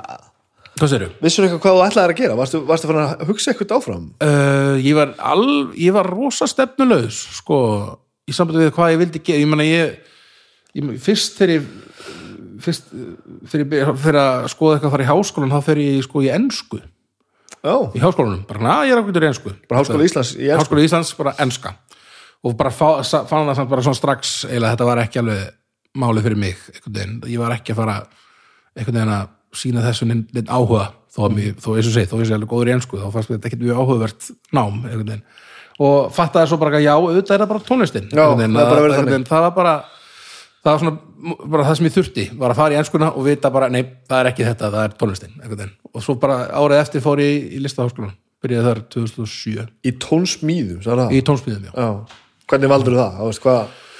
uh, ég veit mann ekki hvernig, ég bara ég ákvað það. Ég, áhuga, ég hafði áhuga á því að semja, semja músík eða semja tónlist. Og, Frekar en að fara bara, þú veist, og mastera hljóðfæri eða eitthvað svoleiðis. Já, ég já, ég einhvern veginn bara fannst þetta lógísk leið fyrir mig til að fara sko, og ég vissi ekki hvort ég ætlaði endilega að vera söngvar eða hvað, ég þarna, vissi bara mér langaði að gera eitthvað í músík sko, eða, eða, þarna, og að semja músík og, þarna, og að þetta nám hafi sko, þó að þetta hafi verið svona klassist svona nám, og þá hafi þetta alveg svona uh, veist, gott að hafa þetta svona uh, inn í höstum á mér einhvern veginn að vita, vita hafa allar þessar þarna, uh, hvað segir maður uh, akademísku þekkingu og, og svona við, mér finnst ég svona uh, þetta vikaði svolítið sjóndeildarhingin hjá manni sko, að heyra alla þessa músík frá, úr öllum áttum einhvern veginn og, og, og, og kynnast líka bara tengslanetti sem það það er fullt af fólki sem er núna í að gera alls konar hluti í poppinu sem var með mér hann í listaháskólanum og líka reyndar í FIH þegar ég var þar og þarna uh, og, og bara já, ég, þó ég sé kannski ekki svona, veit, þetta, er- þetta námið er ekkert eitthvað ég er ekki komin á eitthvað já, þegar nú er ég komin með gráðu, nú er ég komin með jobb sem tengist þessari gráðu, en það er svona eiginlega eða svona, þetta er ekki náttúrulega ekki nein, ég er náttúrulega svona frílands meira jobb sko hann, að, að, þetta er ekki svona eitthvað ég fæ gráðu og sækjum hérna og kemst síðan við þetta desk og geta unnið það sem ég nei, nei, nei, þetta er svolítið öðruvísi. og þú hugsaðir aldrei þannig að að- nei, þetta var aldrei eitthvað það svona var bara svona þekking sem þú varst að náður í. Já, ég var aldrei eitthvað, já, nú get ég komist í eitthvað jobb út af þessu, námi, bara námið langaði bara að læra meir um tónlist. Hvað, læ... hvað lærir maður það? lærir allar, allar a- a- þetta er allt saman þeóriða og Já, þetta er svona hljómfræði og tónheyrn og tónlistarsaga Já, og, náttúrulega. og líka tónsmiða aðferðir hljóðfærafræði Hljóðfærafræði? Já, hljóðfærafræði, hvernig skrifa maður fyrir þetta hljóðfæri já, já, já, auðvitað. hvernig getur svona, þegar vilt að þetta hljóðfæri geri þetta, hvað skrifar þá hérna á þennan pappír það, það bara já, og uh, þannig, já, þannig virkaði þetta nám svolítið sko uh, og, og svo gæt maður ég, já, svo fór maður í svona stjórnenda og svona hvernig maður er að vera svona stjórnenda, stjórna hljómsveit og svona með, það var eitthvað kurs sem maður fór í líka það var alls konar kursa sem maður gæt, gæt farið í sko. Og hérna já, þetta, ég hérna og ég útskrifast hérna einmitt 2010 árið sem að fyrsta platan kemur síðan út sko. Já þetta er bara að gera þannig um leið. Já, og maður byrja, við áskerirum að byrja, sko ásker var líka í listafaskólanum, hann var bara ára undan mér uh, ásker sem sagt aðarsteinsson sem er svona stopnaði, stopnaði bandið með mér -hmm. og við erum bara svona, einmitt uh, já, við erum bara eitthvað að vesanist í listafaskólanum og byrja að semja músík fyrir þessa, þetta nýja band sem við sem ekki einu sinni myndi heita Valdimar eða, eða hvað, hvort það væri sko, það átti fyrst að vera sóluverkefni sko. ég var búin að uh, saði það við ásker að ég væri byrjað að vinna í stöfi svona, sóluverkefninu mínu og þá spurði ásker på hvort það mætti, mætti vera með og ég sem bara, já og svo, og svo, hana, svo byrjuðum við bara að semja eitthvað saman og svo verður þetta bara að hljónsveit sem heitir Valdimar. Og vissur þú hvað þetta átt að vera, hvernig músík? Varstu með eitthvað, eitthvað plan? ég var svo sem ekkert með neitt eitthvað, eitthvað þetta þarf að vera alveg eins og þess, þetta band eða eitthvað eða, uh, bara maður vildi bara maður var með einhverjar hugmyndir í haustum sem maður vildi framkoma og, og hana, og eitthvað svona kannski endilega í haustum þetta er bara eitthvað bara, bara settist niður og fyrir saman annarkot píanó eða bara sett, í tölvunni að setja inn eitthvað, eitthvað nótur og svona og hana, og svo vissi maður ekkert í rauninni hvað maður átt að gera við það og þá hjálpaði mér mik- mikið að fá ásker inn í þær pælingar að- hvernig, hvernig þessi músík geti spiluð og svona og svo bara, einmitt, svo einn af öðrum kemur nýr meðlumurinn í bandið og hérna og við á, prófum þetta bara saman og svo, svo verður þetta bara að því sem það er þegar við erum að, maður kannski kemur með hljóm, eitthvað hljómagang og, og einhver sem er sinn part og svo bara verður þetta svona, þetta er rosa mikið samstarfsverkefni. Þetta er- ég er aldrei eitthvað að segja, herðu, spila þú þetta eitthvað ég vil að það lagi hljómi svona út í að ég, þá vil ég hafa svona trómur eitthvað ég veist alltaf langt best að leifa bara hverjum að einum að ákveða bara, í bandinu sko, að, að finna sinn part og þann og það er svolítið held ég það sem hefur svona, það býr til svolítið þetta, þarna, þetta sound sem við erum með bara hver og einn er að koma með sitt input sem er kannski að influensera frá allt örum áttum heldur en ég eða einhver annars ég var, ég var að hlusta á fyrstu plötuna sko bara núna í gær. Og ég veit ekkert eins og hvað hún er sko. Nei, ég var einhvern veginn að reyna svona að setja henni undir eitthvað hatt. Það er mjög erfitt sko. Já hún, hún, er, hún er þægileg sko. Já, já, hún, hún svona stingum hann ekki. En hún leiðum að fyrir að kíkja þessu undir hútið sko þá er stundum brjálað að gera sko. Fullt af einhverju pælingu sem að sem að svona og þetta er ofta uppáðast músíki mín. Þetta er þessi sem að líður bara svona hjá einhvern veginn Já, og maður svona bara hlusta bara hættu næs.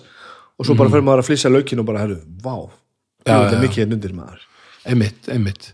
Og ég held að, ég hugsalega er það uh, einmitt, er við erum allir svona karaktera sem eru svona uh, ég held að enginn vill þetta vera of flashy einhvern veginn. Nei, það er enginn sem vill eitthvað vera að sína Já, sig það vill enginn vera eitthvað hey, góða já, punktur, það er ekkert svona, er engin svona hetju stemning í neinu, þetta er Nei. Allt bara svona mínu kvörki en ógeðslega þægilegt. Já, já, við erum úti við, uh, við hafa allir í bandinu uh, sem er svona ágætis þekking og kunnáttu uh, hvað var það músík sko en, en þarna um, en við allir, allir höfum þann, svona, þannig smekk að við viljum ekki vera eitthvað of mikið að Er þú að semja þetta mest það? um, sko þetta er uh, grunnatir koma yfirleitt frá mér eða áskeri eða mér og áskeri Annarkvort í sikkur lagi við ásker eða saman sko. Um, en svo er þetta rosa mikið sum- sum lög verða bara til, verða bara til á staðanum einhvern veginn og, og þarna, sérstaklega á síðustu plötum uh, eða síðustu plötu það var rosa mikið bara eitthvað það eru nokkuð lögana sem verður bara til í einhverju djammi sko. um, en yfirleitt er það annarkot ég eða Áskir sem komum með grunninn uh, sem eru síðan upp, unnið upp úr sko. og minna, þegar ég tala um grunn þá erum við aðalag kannski bara með einhverja fjóru hljóma á laglinu og svo verður kannski viðlagi til bara í innan bandsins eða einhver kemur eitthvað hugmynd og þetta er rosa mikið bara flúent svona uh, hugmynd að vinna hjá öllum og það halda rosa margir eitthvað já, svona, eins og það er sko fólk svona tala um bandið eitthvað svona, já Valdimar já hann spilar öll hljóðfærin á Valdimar og hann, hann, hann er snittingur á Valdimar hann gerir þetta allt bara einn í stúdíunum heima á sér og skilur, algjörlega ekki það sem er í gangi skilur, þetta er bara samstarf við erum skilur, sex gaurar að gera músík saman sko. og bara skrítið hjá okkur að skýra bandið eftir það hjálpar ekki til í þessu sko. hjálpar ekki til sko. svona skilgjörleikar svona, já, þetta var nú, við vissum ekki að þetta myndi fara, einhvern veginn verði eitthvað þegar við skýruðum bandið var þetta strax breyka þetta strax ja? Nei, það tók alveg smá tíma sko. um, ég man að þarna sko, við gefum út hann að fyrstu plötuna uh, haustið 2010 vorum búin að gefa út eitt lag hérna fyrir held ég um sumarið uh, sem að náði einhverju spilin, ég man að það var alveg spilað á Rást 2 og ég man að hann, hann Ágúst Bóasson var hérna í já. útarpinu hvað er hann í dag maður? Já, hann er byrjun við, hann, hann býr held ég úti hvort það er komin til, til Svíþjóðar eða eitthvað Æ, Æ, ég man, ég man ekki alveg, Ha, get, ekki fullirt um það sko. skemmtilegur mjög skemmtilegur útastmaður og ekki langt að sækja náttúrulega já, góða, mjög góða útasvörð sko. og hann hann var svona sá sem gaf okkur fyrsta svona uh, fyrsta breykið svolítið sko. spilaði, spilaði þetta lag hann um, á hverjum degina í sín þjáning heiti það uh, og svo held ég að við höfum sendt hann líka lagið Undraland sem að var, nær alveg svolítið það nær alveg svolítið spilin Já, á, á Rás 2 sko. alltaf ekki þá sem að maður fyrir að virkilega heyra þetta sko. Já, einmitt, svona allavega svona Rás 2 hérna, fólkið fyrir að heyra svolítið meira frá okkur þá sko, það fer alveg í fyrsta uh, í vinsaldristunum þar og verður svolítið mikið spilað þar en það er ekki, eiginlega ekki fyrir samt sko að yfir, lagið yfirgefin fer í spilun já, já. sem við náum svona alveg virkilega í gegn en þá fer þetta líka bara já, það bara, þá, einmitt. bara út í game sko. þá er þetta bara fucking allstaðar sko. Já, það er hérna fyrstum svona kannski februar 2011, februar mars 2011 sem þetta fer eitthvað að stað, platan kemur hóldið út í oktober 2010 uh, já, já, já. Eða jafnvel september, ég man ekki nákvæmlega. ég, Jú, útgáðutónleikarnir voru held ég 2010 þannig að þetta hlýtur að hafa verið september og svona útgáð allavega, og þarna já, þetta tók alveg, þetta tók alveg svona fjóra-fimm mánuði Já, eftir að platan kemur út á, áður en þetta verður eitthvað svona áður en fólk verður að kalla á mig út á götu eitthvað, læti eitthvað á lætigurinn eitthvað, og þarna, ótrúlegu frasi sko. já, læti já. það er náttúrulega þú veist, það er ekki sjens að afmuna þetta. Ef þú já. heyrði einu sinni þá mannst þetta alltaf sko. já, já, einmitt. Og það var nú einmitt, þetta er svona og þetta var viðlag sem varð bara einmitt, þetta sem við erum bara til á æfingu. Uh, og það var basically ég að byggja bandið um að spila herra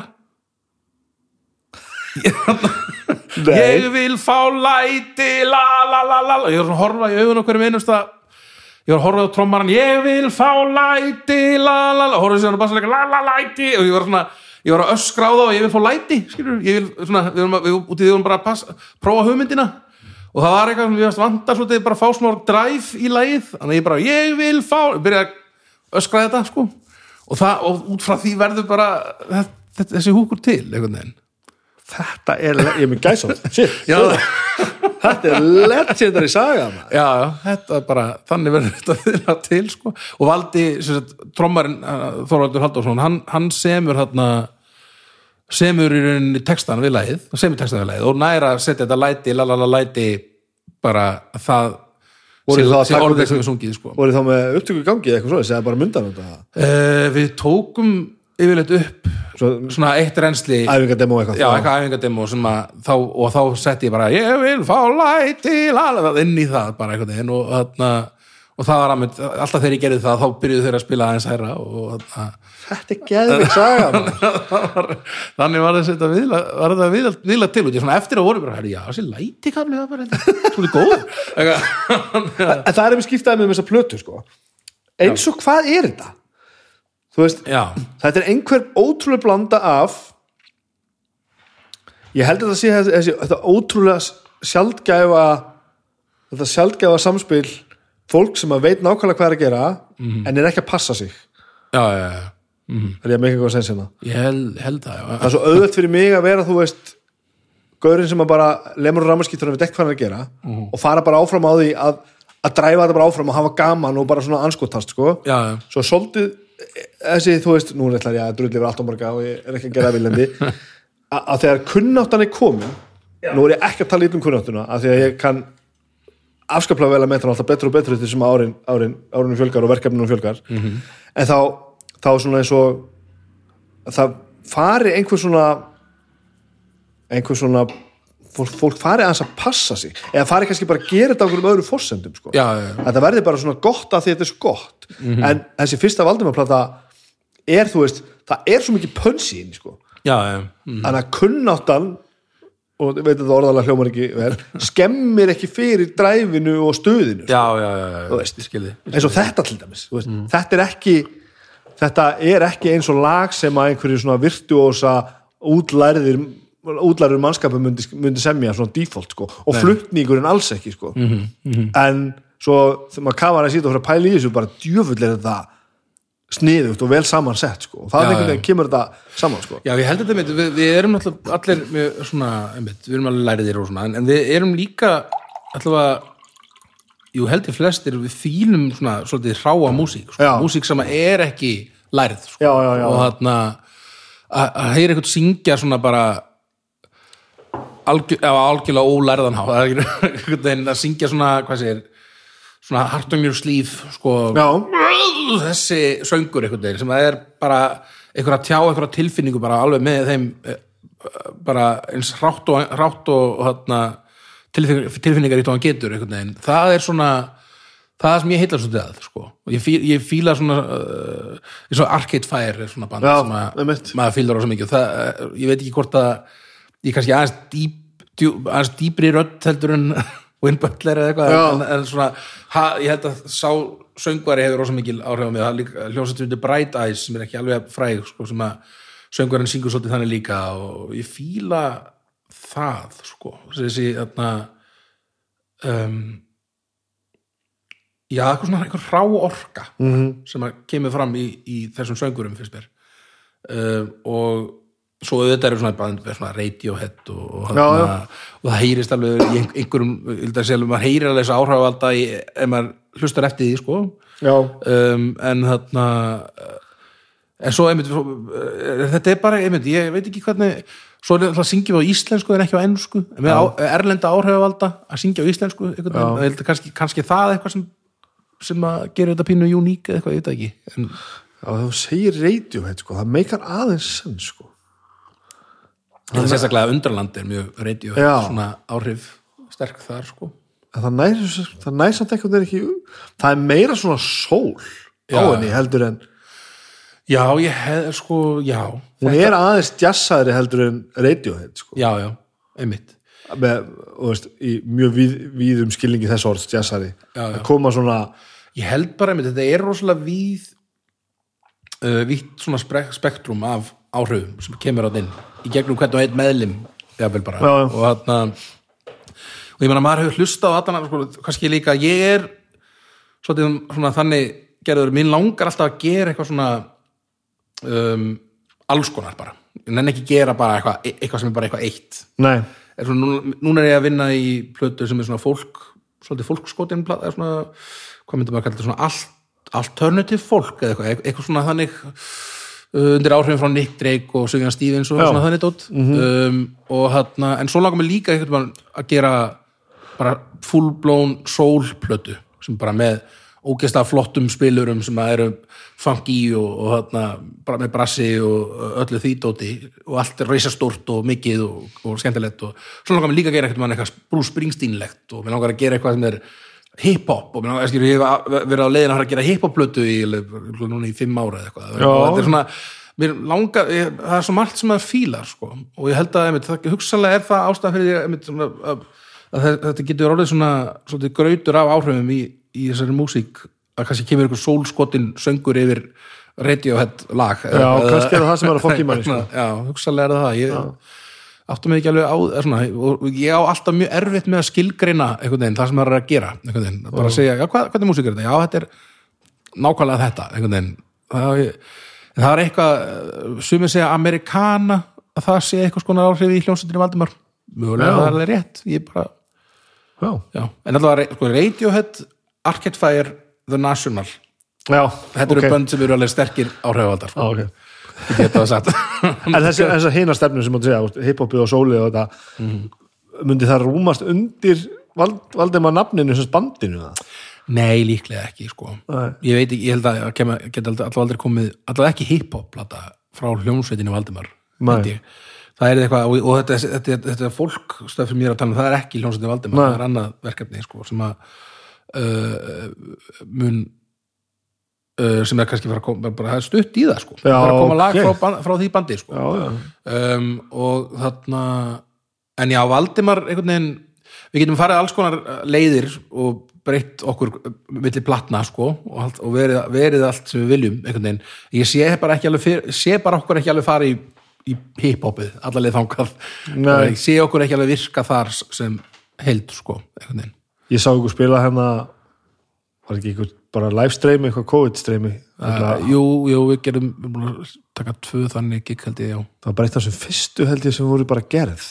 Já, einmitt, þetta var þetta þegar að þarna, við ætlum að vera með ammælistónleikana í, í Eldborg. Uh, og þeir áttu að vera bara, bara vikun eftir að allt er, allt, öll er lokað það áttu þetta að vera sko. uh, þannig við ákvaðum að þarna, hafa bara fresta tónleikunum og hafa bara svona live streymi í staðinn sko, og frá, við vorum haldið bara í Exton, já, tókum við upp þar. Nákvæmlega, passar. Og þarna Sondaði eins og móðufokkuna, sondaði svo vel sko. Já, einmitt, ég hef verið rosa ánæði með, hafa- einmitt, hann Þórhallur hljóð, hljóðmaðurinn okkar. Já, hann svona þekkir okkur alveg veit nákvæmlega, þekkir öll lögin 100% og er bara, bara veginn alveg með þetta einhvern veginn. mikilvægt sko. Það er alveg rosalega mikið við, og við áttum okkur ekki á þessu fyrst sko. við vorum alltaf bara eitthvað, "Já, hvað er hljóðmaður á staðnum? Já ok, þó bara hann, ekkert mál, er eitthvað hljóðmaður á staðnum við varum alltaf bara að, að vonast til að vera hljóðmaður á staðnum.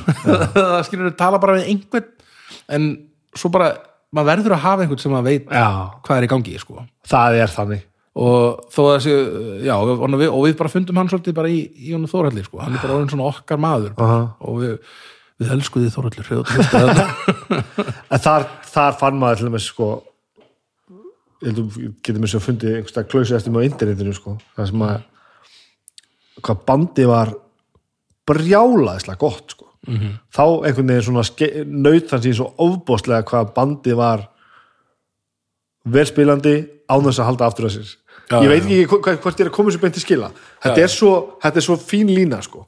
það er svo leiðilegt að hlusta á framúrskarandi hljóðfæraleikara sem að gera ekki dránt já, já, sem, sem taka aldrei sensin sko. mm -hmm. en þarna bara var þetta allt einhvern veginn dead on, var annað sem ég líka fílaði við það mm. ég er búin að rífa sér, nú er ég fann að spila, bara að spila einhvern lindamálum sko. ok það er verið að pressa á skálmöld að gera svona eitthvað, eitthvað live stuff já, já, og það uh, sett upp í þar er það að við sem vorum að spila á tónleikum sko. Mhm. fyrir engan já, já. nema fyrir fólki sem er einhver staðar heima í stofu og ég bara ég fíla það ekki sko Nei, nei, nei. að þegar mér finnst bara tónleikar eru bara hljómsveit upp á sviði og Mhm. fólk fyrir fram að sviði og þannig eru tónleikar til, það er einhver að tjá sig og það er einhver að hlusta Mhm. og svo er interaktið á milli þeirra, það vantar annar helmingin já. ég skil það ekki sko það sem þið gerðu, er svolítið ættið það sem ég var að tala um að mér langaði þess að gera Mhm. að þeir voruð bara að spila fyrir myndafræðar já, já, já. þetta var ekki, þú veist, þið voru ekki að þykast að spila á tónleikum sko, að það var einhvern veginn og virkaði sko Já, einmitt. Og ég, sko, þarna, mér langaði svolítið að reyna einhvern veginn að gera, sko, uh, finna einhverja leið til að gera þetta aðeins öðru þessi líka, svona finna annan flötu á þessu, sem er að ekki bara við séum hérna, hér er band fyrir fram að þig að spila, sem við séum bara að setja upp bara á tónleikum, það er bara hérna band og svo er að- space hérna fyrir aftan.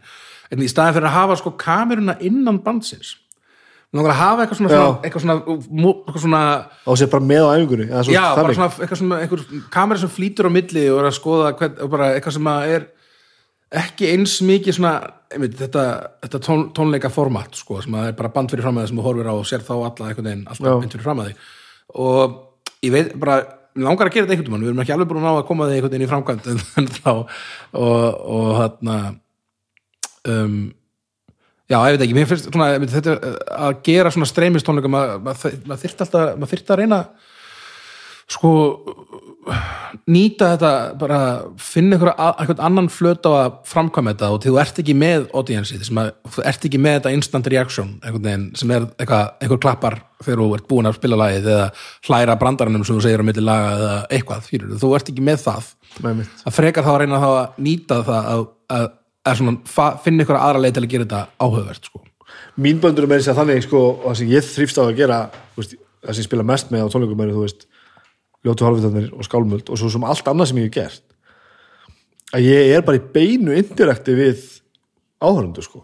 Eins og ég spila með skálmöldir ég vil bara veist, fremst á sviðinu að öskar framan í fólk sem öskar framan í mig Já, já, já. og bara ég einhvern veginn að spila á tónleikum það sem þetta er ekki sko, það sem ég á að vera að spila á tónleikum ég bara, ég það Já, já. en ég skil alveg, þú veist live performance í sjónvarpi og eitthvað það, þá, já. þá er ég bara að gera það sko. Þetta er, þetta er og við, við fannst það skrítið þannig að þegar við vorum að gera þetta að, að spila músík, eitthvað tónlist fyrir eitthvað og bara fyrir framann engan þeim er bara einhvern, einn mann á kam, eitthvað, eða tvo gauðra sem eru með kamerur bara fyrir, fram- fyrir framann okkur uh, og, ek, og, og klára lagið og það heyrist ekkert já, já, og maður, seg, og maður talar eitthvað og það er ekki neitt feedback við neinu sem maður er að gera eða segja, eða, þegar að það svona milli laga mér finnst það verst milli laga þegar maður er að tala og maður veit ekki hvort eitthvað sem maður er að segja veginn, er ég að Vá, ég er að ta... Ég, vá hvað þessi brandar var lélugur, nú að fólk að gera grínað mér maður og já veist ekki einu sem ég kosta Nei, eitthvað svona þannig og maður fyrir að efast um allt sem hann segir og, og þarna, við fannst þetta mjög óþægilegt sko. en,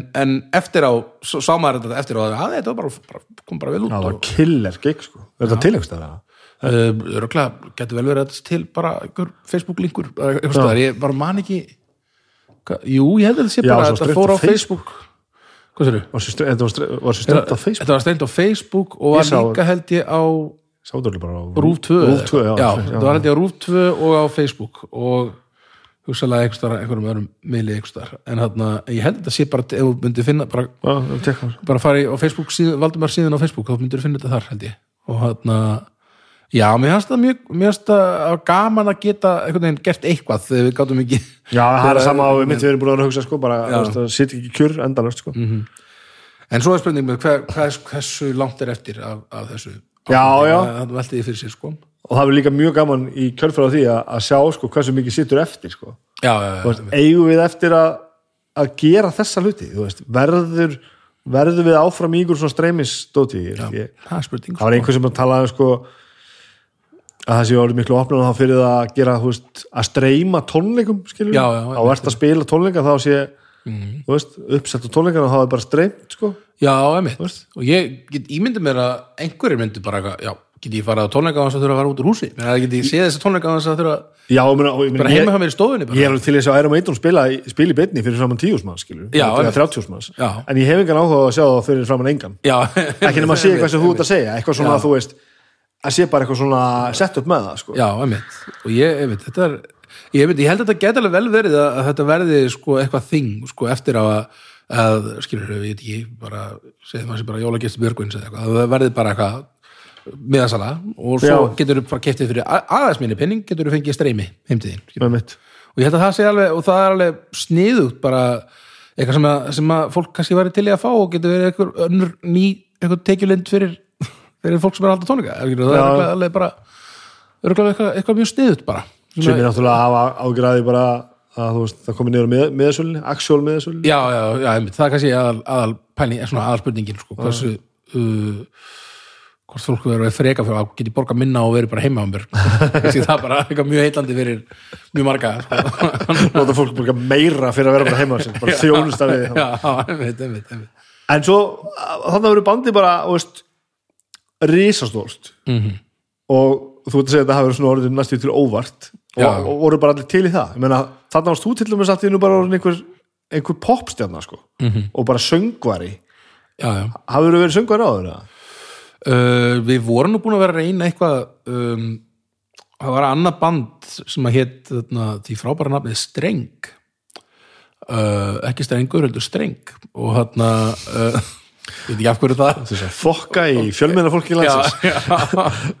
og það við gáum út eitthvað, það var eitthvað lag sem við settum á rock.is og það var alveg svona pínu svona smá svona költ hittari þar, ég man að þarna ég man að ég hitti einhvern mann þarna uh, sko, ég hitti uh, þegar ég var bara eitthvað í listaháskólanum eitthvað, þá hitti maður þarna krakkana úr þarna Retro Steffson Mhm. og þau voru alltaf bara byrjuð Já, já. bara fyrir, bara, þau voru bara eitthvað mjög ung þegar og bara basically krakkar, krakkar þarna þegar þau voru að byrja. Og þau voru eitthvað, hei, er þú hana Gaurinni Streng, Mhm. er þú með hann að lægið á rockbúturis, geggja lagmaður og hann var ok, nice.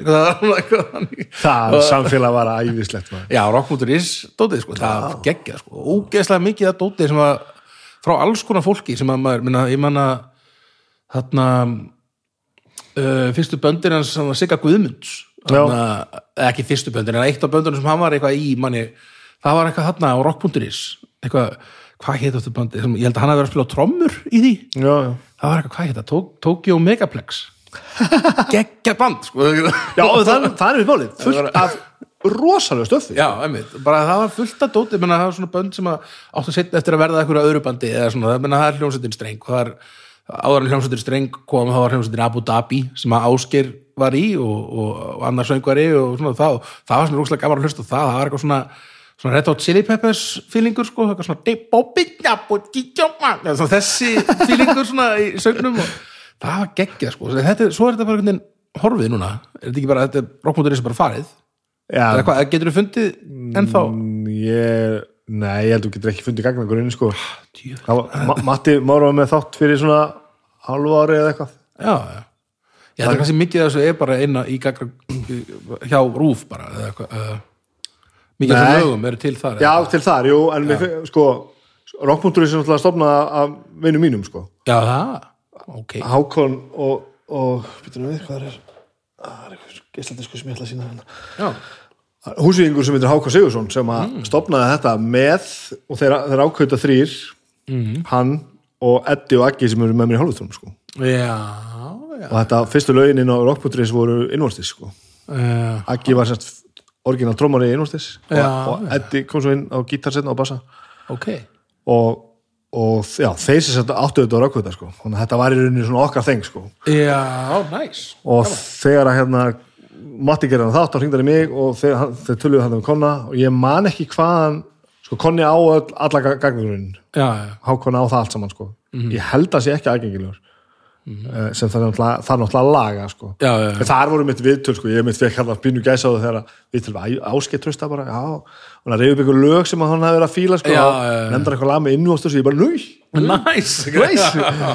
en þetta var, þetta var ótrúlegu stökkpallur sko, þetta var, Já, já. og þetta spjallborð og allt þetta dót sko. já, já, já, maður man, sá hann alltaf vinsættalistan hann það var mjög að verið að spila mest og ég man að streng náði þetta í sjötta sæti og ég var ok, næs Og þú kom- töluna, sko, já, sjötta sæti var bara, bara geggjað að sko. finna það sko, við byrjum svo snemma á þessu að þegar að hérna, vinsaldalistarmála var komið inn Mm. þá var ég eiginlega pínu dottin út sko. já, ok ég, ég, ég, var- ég er svo gammal í hættunni sko. já, ég skilði, ég skilði ég, held að að fyrsta lagi með inn á inn á rockpunturins hafi verið einústir sko. já, já, já já, með mitt. Þetta, þetta var mjög, þetta var útrúlega skemmtilegt uh, skemmtilegu svona vettvangur, eða svona skemmtilegt svona, bara já, samfélag basically, sem var, var þetta til.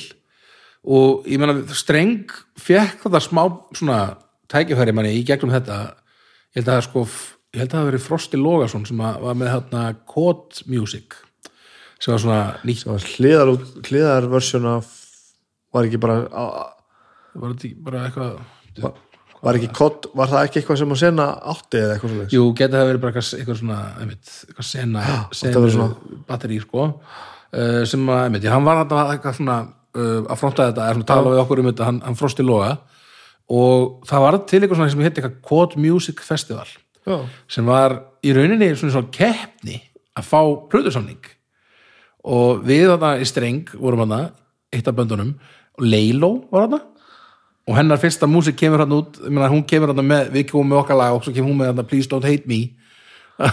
Lagið og maður er í einmitt, já, við erum ekki að fara að fá þennan samling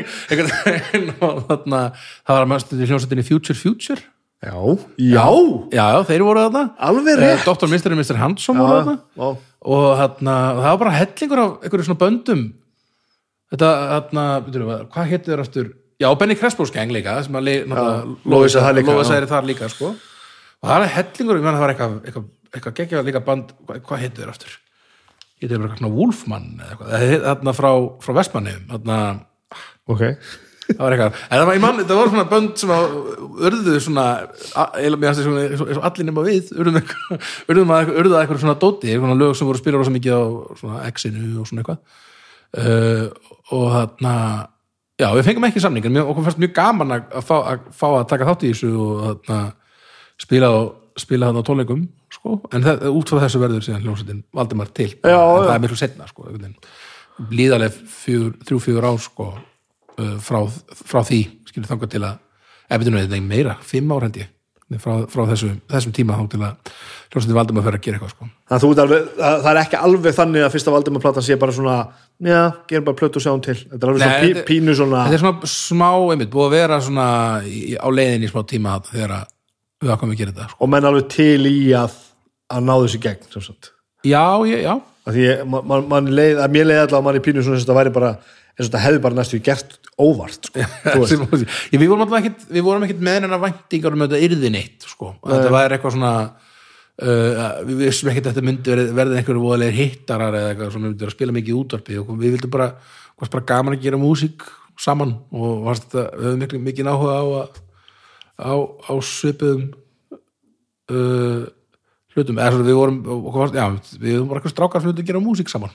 Er kannski einfaldast að leiðin til að segja það sko. þannig að þegar það breykar þá bara er það til í að halda því áfram? Já, við, þetta er bara þetta var svona okkar, okkar baby svolítið sko og hann og var allir svona, allir mjög metnar, mikið metnar fyrir þessu sko. Uh, og, sérstak, sérstaklega þegar þetta verður síðan að einhverju þannig að þá, þá kannski kem, verður ennþá meiri svona hér, já, við getum kannski fyrir að gera me- svolítið meira þessu bara. En, og þarna og, og þarna og svona ég þarna, veit, það, við þarna það er svona ákveðið við svona fyrstu plötuna sem maður heyrir núna, maður hlustar á fyrstu plötuna af, já, það er ekkert svo langt sen, ég tók svona reynsli aftur um daginn. E, e, já, og þarna það heyrir maður svona, já, ok, ég myndi gera þetta allt öðru sér núna, er eins og hvað? um, sko það er kannski einhver svona uh, pródúsering uh, á einhverjum lögum eða svona kannski bara einhver lög sem myndir ekki ekki komast inn eða, og, og svona þessi fílingur það eru nokkur lög þarna sem eru svo poppuð sko, sem er var svona, já, myndi ég myndi ég gera svona poppalag í dag eða eitthvað? Hvað kallar það að poppað?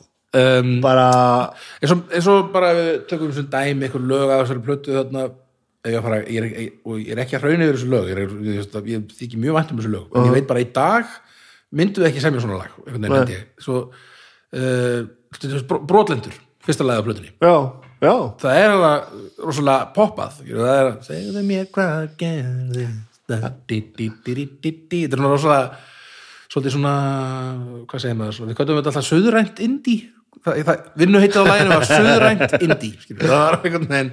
Og þessi söðuræni fíling og ég sé ekki fyrir mér lag með söðurænum fíling eitthvað Nei, á næstunni frá, á, næ- á næstu Valdimarplötum sko. En maður fær ekki eitthvað svona ódýrt pop-feelingur, þú veist, Já, það er ekki nei, nei. það. Ég er ekki að segja þetta sé eitthvað ódýrt eða eitthvað bara svona, þetta er svona aðeins bara svona fílingur sem við erum kannski svo búin að, og kannski er það bara slæmt eða eitthvað, en að þetta, við erum ekki mikið í þessu í dag, að gera svona lög, sko. Við erum svolítið, að, orðið er aðeins meira serious einhvern veginn, Já, já, í okkar nálgun á þessu einhvern veginn. Og um, og ég hef alveg velt þessu fyrir mig hvort við ættum að fa fara í rætunar og fara að gera aðeins meira svona, svona þetta aftur í silliness svona af og til. Já, en, er svona, en þetta eru svona og það eru já, svona lög sem eru miklu naktari heldur en maður myndi, maður myndi alltaf einhvern vilja eruðu ekki að setja líka einhvern sinnþæðan yfir eða við uh, viljum ekki frekar svona sánd á trommunni eða allt, alla þessa pælingar sko? Já, við var kannski, vorum bara ekki komin eins langt með þessar pælingar þá og erum komin með núna veginn, eða ekki með kannski hins móta skoðanir veginn á hvernig hlutinir er að vera, hvernig þeir eru að sánda hvernig lög er að vera eða eitthvað. Þannig að það er alveg svona en mér þykir og, og ég veit að þessi, þessi plata, fyrsta platan okkar er alveg svona það er mjög margir sem eru bara við varum til að ég myndi gera meira svona, eða er meira að, svona núna. Hún stendst allavega tíóra prófið, hún er, hún er mjög hún hljómar mjög þú veist, hún gæti komið út í dag, sko. Já, já, já. og já, eins og segja, og ég er ekkert að ég er ekkert að reyna að tala hana niður svo eitthvað, en, en svona, ég veit bara að þetta er svona fyrsta pla, hlusta svona á fyrstu plötuna og, hvað maður, og síðan hvað maður er að gera núna. Það er bara, maður hefur svolítið breyst En að- það á það að vera þannig, Það má ekki alltaf eins, sko. Það er ekki margir sem komast upp með það sko. og ég einmitt, ég er- held að sé alltaf málið að það er alltaf betra að vera leitandi heldur en að vera komin eitthvað sko. þannig að í, í þeirra kemur á músík þannig að ef það er alltaf bara, það er bara er komin og alltaf bara, alltaf bara að vera þar veginn, þá hættir það að vera áhugavert sko, finnst mér allavega að Hvenær byrjar að syngja? Um, ég uh, sko ég náttúrulega þegar krakki sko þá söng maður bara heima á sér sko svona í sturtunni og svo, eins og flesti bara. Og þarna og það blundi alltaf í mér svona söngvari alveg, alveg langan tíma áður en nokkuð tíma þorðið að syngja fyrir fram fólk. Og ég var alltaf bara, sko, þá kannski vinur maður bara hvetja mann eitthvað, viltu ekki syngja eitthvað? Einhvern mann, einhvern, fara, fara í söngakeppnina eða eitthvað, og þá vildi maður ekki einhvern veginn, maður var svo feiminn sko. Ég held ég að verið kringum tvítugt þegar ég loksins þóri að syngja eitthvað fyrir framann einhvern ég held sér 19 er ekki 2004 held ég, þá fer ég sko í, í hljóðneman sem er svona söngakeppni fjölvöldsskóla söðunis Já, hitt bara hljóðneminn. Og ég og vinur minn fórum saman uh, og sungum Afgan eftir, Bubba- og, hana, og ég mætti með básununa uh, og spilaði hérna ég spilaði hérna munnhörpu partinn hérna í leginu á básununa bara og hérna og, og, og, svo hérna svo í setna versinu þá, þá svona, tek ég básuna niður og syng sko, og það er alltaf rosa moment og ei, hann byrja að syngja líka og, og það var já, ég man að þe- þetta moment sko fram að því að ég er, er að syng þá er ég bara, ég hef aldrei verið jafn stressað en nokkuð tíma á æfuminni fyrir neinu bara, að, að, eins og þessu momenti þegar ég er að spila bara, svona momenti þegar ég er að spila bara svona og ég veit bara, ég, núna er ég að að leggja niður bara svona og fara að syngja hérna í hennar mæk einhvern veginn og síðan þegar fólk alveg svona klappaði og var bara, hei, hann er að ú, og svona, það var svona, svona, svona meðbyr sem það fann, þá, þá einhvern veginn var maður rónin hút, bara nú langar mig að syngja meira Já, já, já. um leið og það maður tók skre- skrefið að þá var hérna vissi maður að maður vildi gera meira af þessu sko, einhvern veginn að syngja fyrir hann fólk. En síðan líðar reyndar alveg hvað, sex ára þá hvernig maður gefur eitthvað út en vissur þá einhvern veginn og varst með þetta að þetta var Já, það er eiginlega því mómenti sem ég hugsaði með mér svona, já, ég geti kannski fara að gera þetta svo, Já. og fara- fara að prófa mig áfram í þessu að syngja sko. og hefur eitthvað æft lært eitthvað? Ekki söng, nei, ekkert? Nei bara, bara básunur nám og, og síðan bara almennt svona bóklegt tónsmiðanám sem ég hef tekið. Um, en ég held að básunur námið hefur nú líklega hjálpað mér svolítið í þessu sko vanandi öndun og, hana, og sko að sko nota þindina til að fá, fá, kraft, Já, fá já, kraftin úr þindinni sko en ekki úr einhvern veginn hálsinum eða eitthvað. Uh, og ég held að það sé líklega eitthvað sem hefur alveg hjálpað mér í því og, og líka sko að, að vera á básunni um, og því þú ert ekki með svona takka sem þú ytir og þú ert bara með stað á sleðanum sem þú þarf að vera á til að Já. fá nótuna sem þú vilt.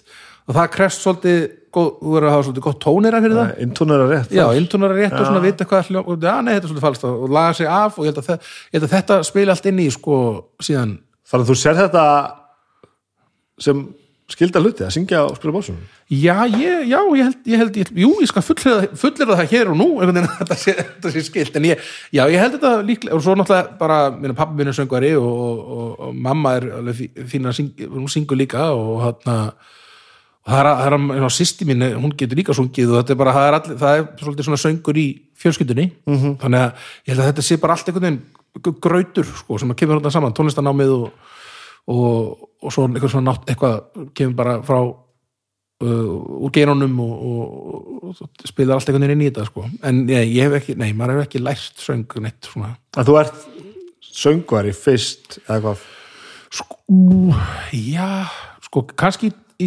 dag er maður alltaf þekktur sem söngvarinn Valdimar en svona, mér, mér finnst skil ekki tónlistarmaðurinn Valdimar Já. vera fre- vera það sem ég, ég lít frekar á mig sem tónlistarmann heldur en söngvara sko. uh, en ert alveg svona, þú veist uppáhald söngvari fólks, ert alveg svo típa, þú ert alveg svona já, já, með svona uník rödd.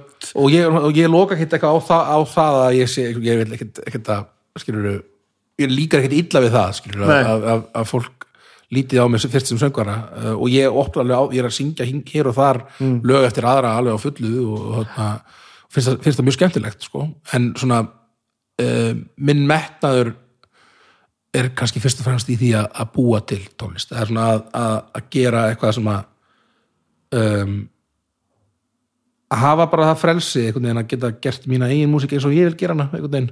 Og þess vegna er ég ekki búin að vera miklu ég, reyni eins og ég get að vera ekki að syngja ómikið eftir aðra ég fæ, miklar, fæ margar eftir spyr, er, fólk er að spura mig mikið hvort að vilja syngja þe- þetta lag eftir sig eða syngja eitthvað, kannski eitthvað í Eurovision eða eitthvað og ég er svona einhvern veginn vil halda þessu svolítið bara þannig að ég er svona megnið að því sem kemur út er, eru lög sem eru eftir mig sko. en, en svona auðvitað líka að koma koma svona tækifæri sem mann man langar bara líka að syngja lög eftir aðra sem auðvitað eru góð lög og svona og gerir það líka, Já. lóka ekki á það en, en ekki að detti það að vera svona þessi flytjandi ekki já, ég vil ekki bara vera það Nei, allavega, en svona, og ég vil, ég vil gefa mínu stöfi svolítið plás og þarna og þess vegna, ég, og ég reyna alltaf að hafa svolítið skýrt, svona, ég er ekki að segja nei út um mér veist þetta vond, ég er að segja nei út um mér langar að gefa mínu stöfi plás og þarna um, þannig að þegar fólk vil að ég syngi lög eftir sig, er að segja. Og þarna um, já, þetta er náttúrulega sko, maður, þetta er svolítið þarna þegar maður kemur svona fram á sjónarsviðið í þessu, það er alltaf einmitt, þetta er svo mikið spurningum að reyna að þekkja sjálf hvað vill ég? Einhvern veginn, hvað, hvað er eitthvað sem að er ég, er þetta sem að ég beðin um að gera núna, er þetta ég? Er þetta eitthvað sem ég getur bara eftir tíu ára stoltur að það hafa gert og, og, og, og það, en það kom alls konar tækifæri sem að maður, maður gæti farið all, alls konar leiðir í þessu ef maður, vildi það. Já, en, og, og það gæti alveg skilur við, þetta er svo, þetta er svo já, erum við að tala um þetta veginn. Þetta er svona er flókið að að átta sig á því sko, hvað er svona, svona að- að vera listamaður sko, að þarna og vera samkvæmur sjálfur sér einhvern veginn í listinni. Og, en líka um, svo, og svo bara líka náttúrulega bara að, vinna fyrir sér og vera, og vera já, já, skilur, er líka tekjulind og, og, og, svona, og finna hennar góða balans með það að passa sig að, að, þetta sé allt saman eitthvað sem maður getur verið stoltur af og eitthvað sem maður er svona ánæðu með. En finn, finnum maður þetta ekki alltaf? Jú, maður finnur það allt maður á bara að hlusta á sig maður, sjálf Já, á sig, maður veit þetta einhvern veginn alltaf. Mhm. það er, það koma, hlutinni koma og maður bara svona nei, ég held bara ekki sko. Og það á maður bara standa með því sko. Já, það, það, og ef, ef eitthvað kemur sem maður hefur eitthvað, sem maður er bara eitthvað þetta er kannski ekki fl- töff sko. Svona- þá bara að byggja um ógæslega mikið pening sko. Og, og ef þau eru til að borga mann ógæslega Já, mikið já. pening flott, þá fæ ég ógæslega mikið pening og það er breytir og til hins betra. Það er bara en ef það sko, þau eru til í það, þá er allt í læg en ekki, ef ekki, þá bara sleppu þessu sko djúfullir ánar að heyra þið segja þetta. Já, þetta er eitthvað sem að mörgum listtengandi manneskum finnst bara eitthvað svona eitthvað no-no sko. já, já, já. eitthvað, en ég er svona nákvæmlega sammála þessu sko. Já, já. og það þýr ekki að maður sé gera hlutina verri eða betur sko. Nei, nei, nei. en bara, ég er farin að sjá þetta sem þannig sko, ef ég fæ einhvern svona tilbúð sem ég svona ah, og fæ ég með þetta sama tilfinningu og þú segir bara ok ok, ég skal semja, semja texta við þetta lag Já. En það kostar þá bara þetta sko. já, já, og það er svolítið tekið á lífið sko. þá er ég fann að hugsa þetta sem bara, veist þetta er þá bara tími sem ég gæti verið að nota til þess að gera eitthvað sem mér finnst frábært sjálfum sko. Já, já. ef þú vilt endilega kaupa hana tíma af mér sko, þá er hann dýr sko. mm -hmm. að því mér finnst þetta ekkert frábært sem ég er að fara að gera Já, ég er ekki að fara að gera verð en þetta stendur mér ekki það næri sko. Og ég held að þetta mitt, þetta er svona og eftir því sem maður er eldri, þá verður náttúrulega tíminn alltaf það, sko. Ég er alltaf búin að komast að það núna að það er ekkert jafn dýrmætt og tíminn mann segir, Nei, þetta er ekki ekkert grín sko. Já, og, hana, og þess vegna einmitt, þegar eitthvað svona einmitt, þegar eitthvað, eitthvað kemur til maður sem eitthvað, maður er eitthvað með og, og ef maður hefur verið yngri, þá hefur maður alltaf bara sagt bara eitthvað, ég er, á- töf fyrir þetta ég, ég get ekki, eitthvað neinn gert út, út af því ég er bara svo cool, en, en þarna núna er það bara spurningum, skilur tíman og er þetta að fara að vera worthwhile fyrir mig til lengt, er, þetta að fara eitthvað sem að vera ef ég fæ nóg mikið borga fyrir þetta get ég þá einhvern veginn gert hluti heima á mér sem ég get, get ekki annars veginn, og, og svona þannig get ég gift nýjan bíl eða, eða hvað það er sem að get gert lífið mitt er þetta að fara að hjálpa mér heima hjá mér og maður fer að vera að hugsa meira þannig sko. Um, uh, og þetta er einmitt kannski einmitt, eitthvað sem að, einhver pæling sem að mörgum finnst ekki að vera cool að, að tala, er svona að peningar skipti máli en þeir gera það Þeir verða að gera það, sko. Og þarna ef- þess vegna bara einmitt, ég held að það sé um, já, ég held að það er orðin miklu opnari fyrir uh, fyrir þessum peningapælingum sko, eftir sem maður er eldri og hvað, þeir fara að skipta manni meira máli, sko, mann meira máli sko. og einmitt, og tíminn manns er mjög mjög, mjög, mjög hérna, verðmættur sko. Og, og, og einmitt og, og líka, maður þarf líka að passa sig á að vera ekki um meðvirkur bara. Já, meðverkni er alveg eitra dæmi í, í þessu sko að vera búin að með, kom, komin eitthvað áfram í einhverju, í einhverju meðverkni og því lengra sem þú ferð því erfiðar að verður að fara tilbaka Já, einhvern veginn. einmitt. og einmitt, og þetta er allt þessi bara einmitt, nú er maður bara honum fullorinn og maður, maður þarf að hugsa um ímsa hluti og, og þarna og þá er þetta, þessi pæling alltaf í málið bara uh, ef, ef, ef þetta er ekki eitthvað passamporta fyrir mig þá var ég bara að borga mig meiri penning djúfullin jána að heyra þetta. Eitt sem áttu við músíkina. Hvernig, hvernig semur þú það sem áttu að semja? Spilar á það er allur gangur á því sko, fyrst þegar ég var að, að gera lög sko, þá hann mjög ofta var það hann að ég var kannski að keira reikinsbrutina og var að keira í listaháskólan úr Keflavík sko, og hann og það var bara, og bara gott að bara lækka bara í græjunum og hugsa bara svona. Dum, dum, dum, dum, bum, bum, bum, og taka um síman Já, og syngja það síðan inn Já, skilurðu. já, já. Vá, hvað er mikið að skila búin síma en þarna um, og það, það er bara þarna uh, það var svolítið ferðið, það kom bara eitthvað bassalína kannski eða laglína eða eitthvað sem að söng inn. Og svo gæti maður farið með það til áskeis eða eitthvað eða til bansins og, og svo getum við unnið það út frá, unnið lagið út frá því sko.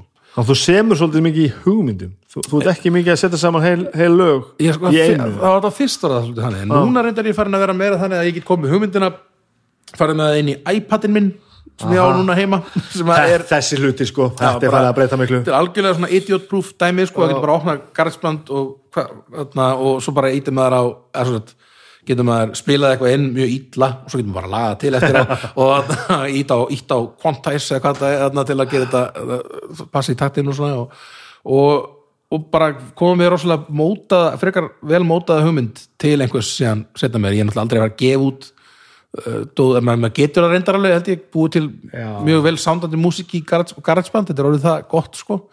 En yfirleitt það bara vinn ég einhverja svona hugmyndir heima svona upp á einhverju vissu marki og svo fer ég með það til, til bansins og, eða til áskis og við vinnum það meira þa þannig sko síðan. að þú spilar ekki á önnur hljóðfæri?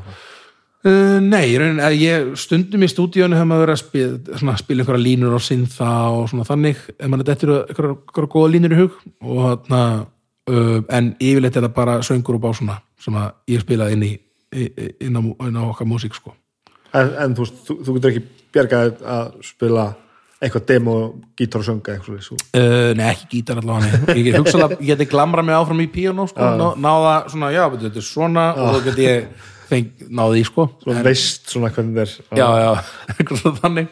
En þarna, e, gítar, nei, ég kann bara ég geti kannski spila Wish You Were Here eða eitthvað en þarna, sem þessi þessi, þessi nokkri, nokkra, nokkra svona hvað, hvað heita þetta sljómar, vinnukonu Já, hljómar, vinnu konur gripin já, vinnukonu gripin Já. ég kann þau, sko, og það er basically það eina Það sem ég kemur kann nú, það hafa nú margir orðið heimsvæðir bara já, því. já, er ekki að tala hann niður. maður er kannski að prófa þetta. Og það sem er lög bara með þessum vinnukonu gripin, sko. Það, ég hef oft gert það. Já. Ég hef gefið út heilu plötundar með því sko. já, ok, nice. Ljóti hálfut þetta er nú meir og minna bara eitthvað svona sko. já, já, já, já. Nei, það var nú kannski aðeins En enga síður En svona þú veist uh, Svo er þetta komið að stað, búið með skólan og eitthvað svona og erum fullorinn og eitthvað. Hvað, þú veist, kemur þá til Reykjavíkur og býrð hér eða? Uh, sko, ég byrja í fyrirlista háskólan uh, ég, ég rauninni flyt ekki til Reykjavíkur fyrir en sko hvað, 2013 eða? Já, já, ok, ok. Ég er alveg, sko ég, ég, ég er í lista ég, ég flyt upp á, á Ásbrú. Já, uh, þegar það var svona nýtt sko, það það var, það var eitthvað svona farið í rosa ódýrt húsnæði þar þarna, svona, og farið, fengið, það var eitthvað svona frýtt að fara í rútuna og eitthvað svona. Já, svona þægilegt sko. Uh, þannig að ég bjóð upp á Ásbrú var í listaháskólanum á meðan og vann svo bara eitthvað í keflaði á sömurinn og svona og, og hérna uh, og stundum um helg, ég vann, ég var að vinna eitthvað um helgar líka eitthvað upp á flugvelli í hérna 10-11 og okkur svona eða hétt reyndar, það var 10-11 en hétt eitthvað svona inspired by Iceland. Það var eitthvað svona íslensk eitthvað, seljaði eitthvað brennivín og eitthvað svona og hann um, svo, ég veit, ég fyrir listaháskólan klára 2010 og ég, ég bý Reykjavík svona nokkra mánuði 2011 og ég mani veit, ég var að vinna í skífunni á þessum tíma.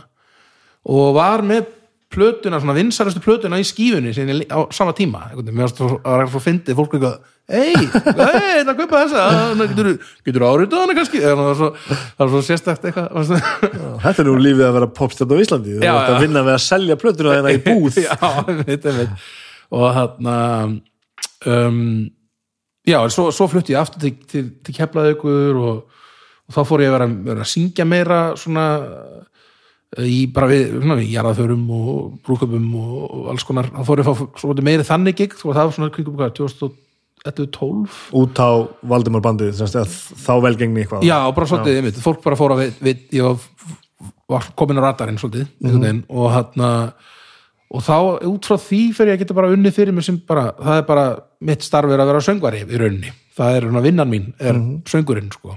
Uh, og ég gera það hérna, bara enn þetta dag, það er bara er í rauninni svona frílands uh, vinna er, er svona verktakavinnan mín er bara þetta og ég kom með fyrirtæki kringum þetta og allt eitthvað orðið og það hérna skipulagt um, og, en þá býð ég keflaði sko, í, í, alveg í ár eða tvö í viðbót þangað til ég flytt síðan uh, út á Nes. Já. bjónum bara hennar rétt þarna, um, uh, í alveg þrjú eða fjögur ár. Uh, bjóð þar frá 2013 til svona hvenær flutti ég aftur síðan inn til önnu það var 2018 held ég þannig ég er alveg fimm ár hérna út á Nesi sko Uh, já, en ég, ég flytti í rauninni ekkert fyrir nýtt, hvað, ég er 28 ára gamall þegar ég flytt til á Reykjavíkusvæði, sko. og hvað, þú veist, búin að ákveða það að vinna þá fyrir þessi fyrir músíkant og söngvari það er nú ekki alltaf á eðlugum tímum helgar og, og kvöldinni og, Já, já, þess. Hva, og hvað ertu þá að gera? Uh, Vakna fyrst um bara- sinn, nei, já, bara yfir höfuð í dag bara, já, já, þú veist, neða, eins og þú býr hérna og býr upp á ásprúfum, menn að vakna mótnana og bara hvað? um, Búa til músík eða, þú þetta var- eitthvað önnur áhugamál eða já, sko, ég gæti alveg að tekja, sko, þegar ég bjóð út á, út á Nesi þarna í, Þú ert ekki komið fjölskyldu hann eða? nei, ég er ekki kom, það var ekkert, ég var hérna minna, ég er alveg singul og, og með enga fjölskyldu eða neitt, sko, alveg þangar til 2000 og, nú er ég alveg 2000, á, já, að janúar 2018 Ok. þá hérna byrjuðum við að hittast ég og Anna. Uh, fram að því er ég bara einn heim og, og ég kjallar íbúður í Áttunesi sko. Og þar gáttu dagarnir orðið þetta var svo mjög mismunandi hvernig tímabil maður gat átt sko. Maður gæti verið bara uh, liðið heilu vikundar sem maður gerði ekki neitt. Maður var bara he- heima einhvern veginn. Og það er alveg svona það er eitthvað svona tendens sem ég á til sko bara einhvern veginn að að geta bara verið bara mjög sáttur við að gera ekkert og bara vera heima hjá mér að horfa á eitthvað drasli sjófinu eða, eða bara eitthvað að spila töluleiki eða eitthvað. Og þarna, ég átti alveg nokkur alveg svona, það voru alveg nokkur svona tímabil sem ég átti í sem ég- þetta voru bara dagarnir minni voru mjög uh, það var ekki mikil tilbreyting það breytist ekki mikið á milli daga sko, og bara, bara heima og bara, og maður líka, þetta var nú líka svona um, þau eru svona stundum svolítið, kannski ekki beint myrkir, þau eru svolítið svona uh, þarna, eins og þegar ég geri þarna statusin minn fræga þarna á Facebook þarna sem ég er að tala um bara mín vandamál svolítið uh, með, með ofþyngdina og, og svona sem er ennast bara eh, vandamálið eða svona eitthvað sem að muna auðvitað bara vera að díla við okkar bara alla æfi sko. um, og þá er ég búin að vera þarna út á nesi einhvern veginn, og í þessu tilbreyndingarsnöða lífi sem einhvern veginn bara ekkert breytist og allt er eins einhvern veginn. Og þá hann í maður mitt, þá kom svona moment sem ég bara, nei, þetta má, ég get ekki, þetta getur ekki verið svona einhvern veginn, þetta er ekki þetta er ekki það sem ég vil vera að gera það sem eftir er einhvern veginn. Um, og ég fyndi hvað þetta var allt inn í rosa sirius þetta fjallin en, en, en, en, ég svona sko um, en það, ég, að, það, þá klikka svona, fór eitthvað að vera þannig, nú ei, ég þarf að vera virkari. Ég þarf að fara út og gera eitthvað skilur, og ég var hérna þá fór ég alltaf að vera þá fór ég átti tíðanbyrja sem ég alltaf á kaffihúsum og var að fara, settist bara á kaffihúsi með, með þarna, iPad minn, nú ætla ég að vinna nú ætla ég að fara að gera semja músík eða ég ætla að semja hérna texta eða ég ætla að gera eitthvað, Sara tölvupól eitthvað, gera bara eitthvað og þarna ég man að það, setti mig svolítið aftur í þessa rútina svona bara, kannski ekki aftur bara, en, bara setti mig inn í það að, að svona um, þessi þörf fyrir að vera svona aktífur og hérna productive sko. Um, uh, innstimplaði stimplaði svolítið inn hjá manni núna. Svona, og nú á ég rosa erut með að eiga er er það er ekkit verkefni hjá mér í dag. Hvað, veitu, hvað, ég þarf að gera eitthvað og er svona, svona uh, koma svona dag er svona um, kannski, er þetta orðið vond í hinóttina sko, að maður sé of þarna, þessi, þarna, maður verður alltaf að þurfa að vera, þarf alltaf að vera með eitthvað í gangi Aldrei hægt að slaka á. Aldrei hægt að slaka á sko. þannig að ég þarna já, það, þetta, jú, þessi, þetta, þessi dagar hann út út á nesi voru fyrst þannig að maður bara fór, kom heim til sín fór öllum fötunum og var, var heima hjá sér í, í kjallarnum allan daginn sko. en síðan síðan bara var það bara ekki, ekki málið. Og þá fór maður einmitt að það að vera þarna aktífari og ég held að einmitt það, eftir að það gerðist þá svona opnumst eins og dyr sem að maður ég held ég, var, ég ætti ekki kærustu í dag eða ef ég hef ekki farið að gera það og, og ég, hérna, eða ég var ekki batn á leiðinni til dæmis eins og það er núna og það er svona rosa, mér finnst það svona eins og, eins og þetta, þetta moment hafi svolítið svona um, breytt stefnunni sko. Ég er, ekki, ég er ekki viss um hvað ég væri í dag ef ég hef ekki gert það Hva, hvaða moment nákvæmlega? Um, sko það er mó, þetta er svolítið sko það sem gerist er að ég ég fæ hérna, ég fæ lúnabólgu og árosa erfitt með, það var einn nótt þar sem ég svona ég sef og hérna ég er hreinlega bara, mér finnst eins og ég sé bara dey, að deyja, bara þá nóttina.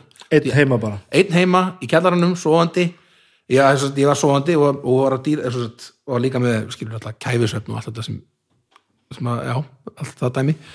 Og onni onni kæfisöfn lúnabólgu þar sem það allt, allt er einhvern veginn stíplað og, og, og gladað sko. Og þá þarna uh, þá, einmitt, þá, það var bara einhver, einhver þarna um nóttina þá þá bara, þá var reynilega bara ekki, þá gati ekki andað.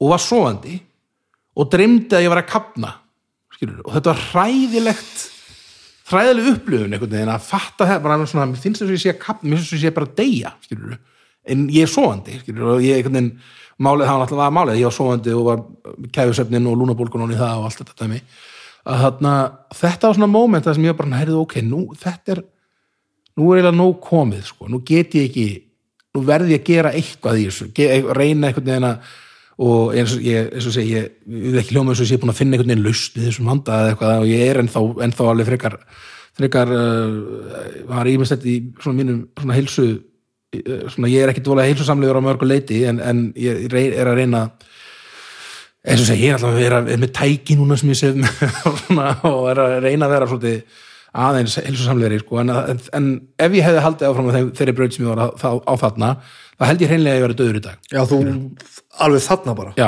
ég held ég væri ekki lifandi í dag ef ég hefði ekki hefði ekki átt að mig á þessu þessi vitundavakning hefði ekki átt sér stað. Að þarna og þetta var, var alltaf einu svo skýrt mig og, ég, og ég, af einhverjum ástæðum fann ég rosa mikla þörf fyrir að, koma með einhvers konar, einhvers konar játningu á Facebook og bara svona, já, bara afhjúpa þetta fyrir öllum einhvern veginn og bara opna svolítið bara, heyrðu, nú, ég er svona einhvern veginn og þetta er, ég þarf að þarf að, reyna að laga þetta. Og ég geri það, ég skrifi einhvern veginn rosalega lang, rosa langlöku á Facebook sem að veika svolítið aðtikli og þetta fer, að, fer, svolítið, fer í fjölmiðlana og eitthvað svona og ég, ég fer, ég man að ég fer síðan í kastljósið eitthvað, eitthvað viðtal eftir það og eitthvað svona dót og, og í kjölfarið einhvern veginn kemur svona, kom alveg algjör svona bylgja af alveg þvílíku sko rosalegu meðbyr sko, með fólk alveg helt rosa mikið með manni, veginn í þessu öll saman. Og, og út frá því verði ég síðan marathonmaðurinn hjá Íslandsbanka sem an, annar um, það er, já, það er ímislegt til að, að ræðum þar sko. En þarna og ég, þetta er svona þessi þessi tími lífsmins var mjög fyndin sko, það að þarna að fá þetta þessi skilabóðum frá um kvartningu og svo fekk maður líka það sem ég ég veit ekki hvort maður að vera að venda og mikið um þetta en það er sko þessi heilsubransi. Bransin í kringum megrun -hmm. og í kringum einhvern veginn að fólk sé að leta sig sko getur stundum bara verið frekar síðlus, eða svona þetta sé svona fólk sé, sé að selja mann einhverja laust sem að er engin laust sko. og að, að- fólk sé að svona koma með eitthvað, hérna er lausnin fyrir þig uh, komdu hérna einhvern, einhvern kúr sem að lagar allt fyrir þig en, en svo er allar rannsóknir sem sína það að svoleiðis bara geng, virkar ekki til lengdar og hérna að ég veit ekki, nú er ég, veginn, ég veit ekki ég fann nákvæmlega skrí, skrýtna línu en, en sko, en eh, ég átti svo erfitt með alla þessa sölumennsku já, öll, öll sölumennskan sem fór í gang allir að reyna að uh, selja mann eitthvað nýtt dót sem á að hjálpa manni og, og hérna köftu þetta duft hérna og það einhvern veginn þá áttu erfið auðveldur að með að létta þig og þá eru þitt miklu betra og hérna um, og, og ég átti svo áhugavert sko samtal um þetta við einn sko um, ég held að það verið að vera eitthvað svona líðhelsu uh, mentaður maður sem við oft um gott spjallum þetta. Að hann var að tala um sko í samvætti við uh, offituna, að það sé rosalega þetta er alltaf mjög uh, svona um, uh, alvarlegt vandamál. Sagt, þetta er skilur, uh, fólk er að hana, þetta býr til alls konar helsu heilsuvandamál sem eru mjög erfið fyrir erkjur sem er að fólk er að, fólk er að deyja skilur, úr þessu. Og hann í sambandi við, ef maður hugsa þetta út frá því að þetta sé einhvers konar veiki að, að þarna að einhver segja, eins og, eins og til og með segja þetta er, var krabbamennsjúklingur og það er einhver að segja að selja einhverjum krabbamennsjúklingi einhverja, einhverja hérna, hérna lausnin fyrir þig. -hmm. og hérna já ekki verið að hlusta á þarna að 90% manns einhvern veginn, þetta virka ekki fyrir 90% af fólki einhvern veginn, köftu þetta samt veginn, þetta getur virkað fyrir þig. Og, hérna, og svo virkar það ekki veginn. Og, og mannskan heldur síðan bara áfram að vera veginn, það myndi ekkit vera svoleiðis business var ekkit mjög gútiraður sko. Er þetta en, samt ekki alveg yfkað pínu? Er ekki, þú veist lúpínu segði Jú, og eitthvað það það stress sem sem, sem er alveg gert jú, jú, jú, jú. En mér finnst það- öðrum skala.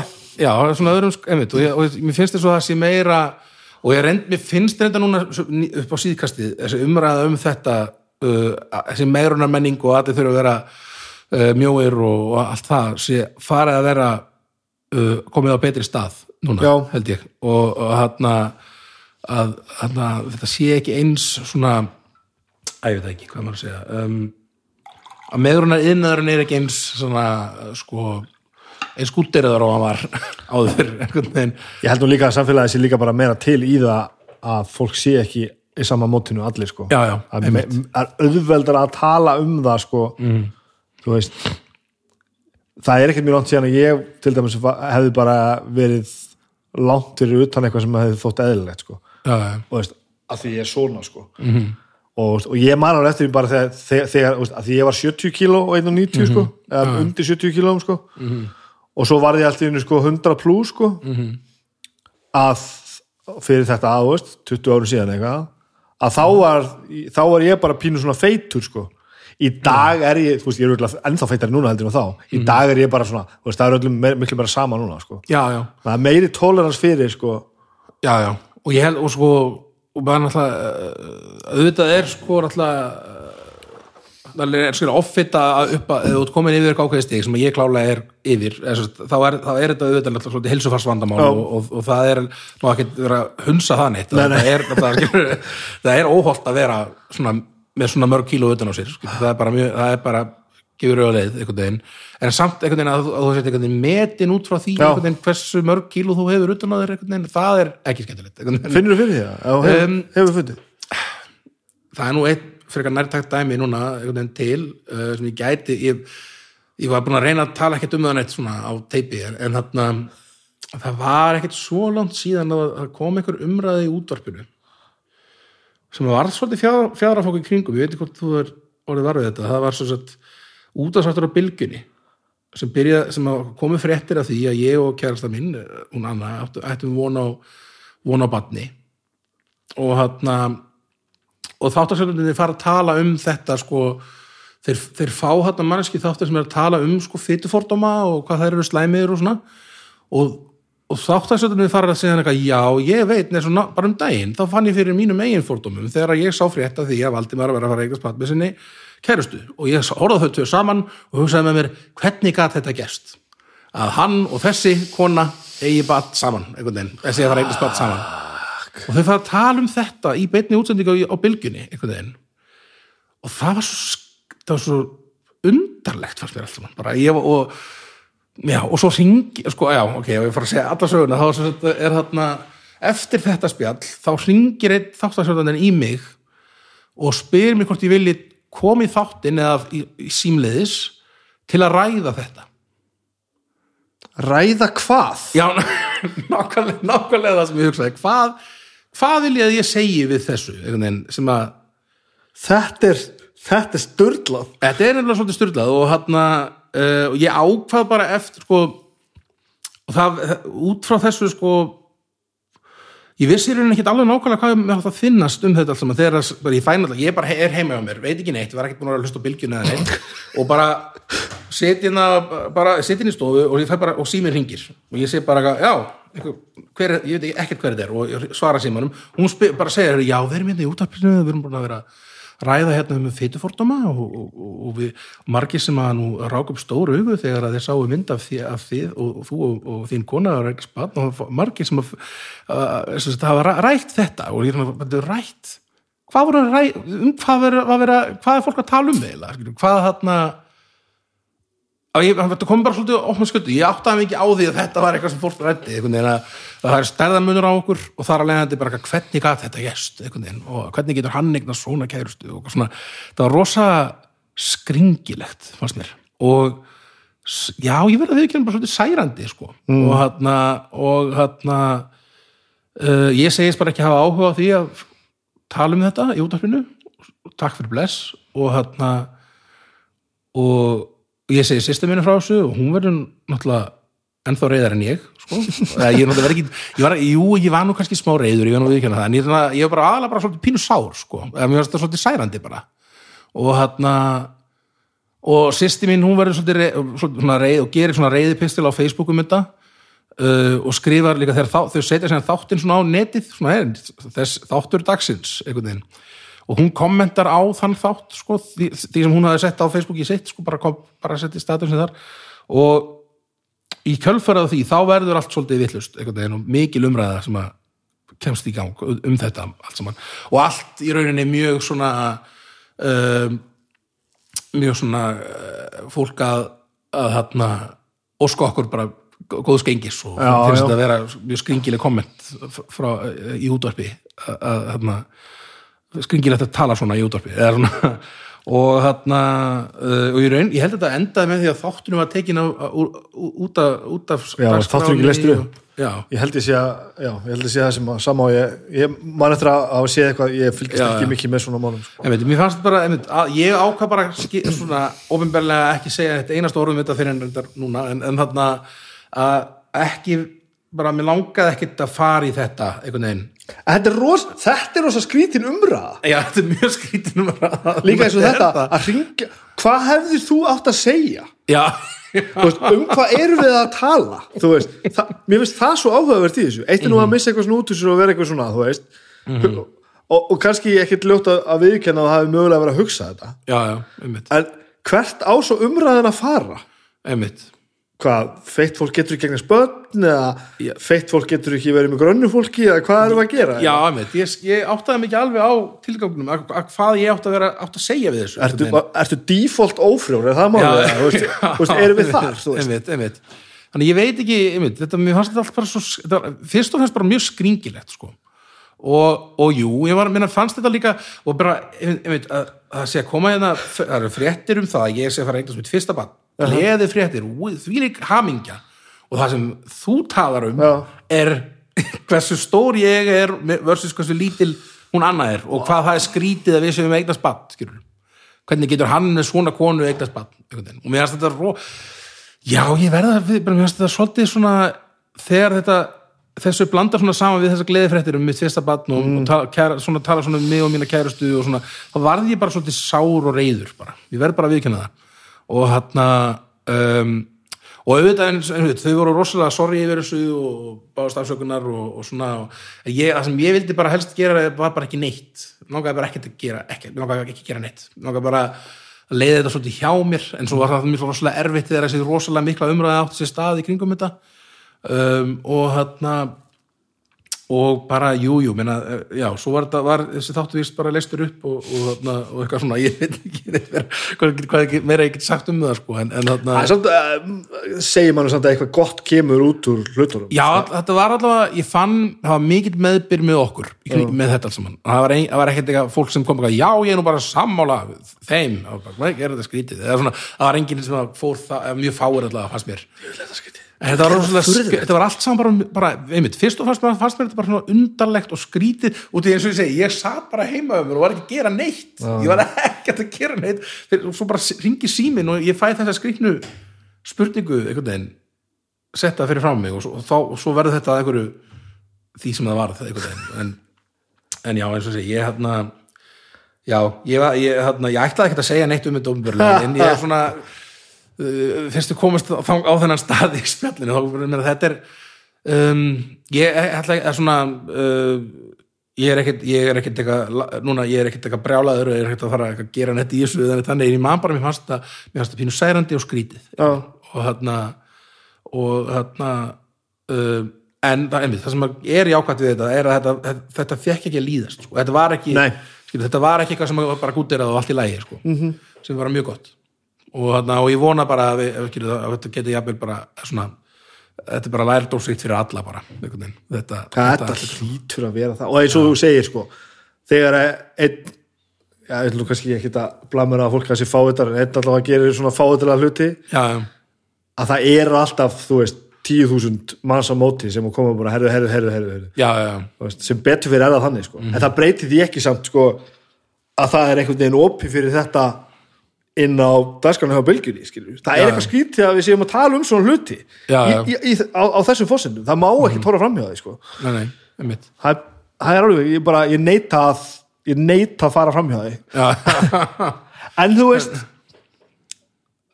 sem sagt já við erum það búin að staflisa það og þetta vantar að lita þá einhvern veginn hvernig fólk horfur á því já, greinilega það er, á, á þess að ég, ég, ég bara nýlega áttaði mig á því skilur þetta veri eitthvað svona En hvað þá bara með, þú veist, góðu hliðan á því?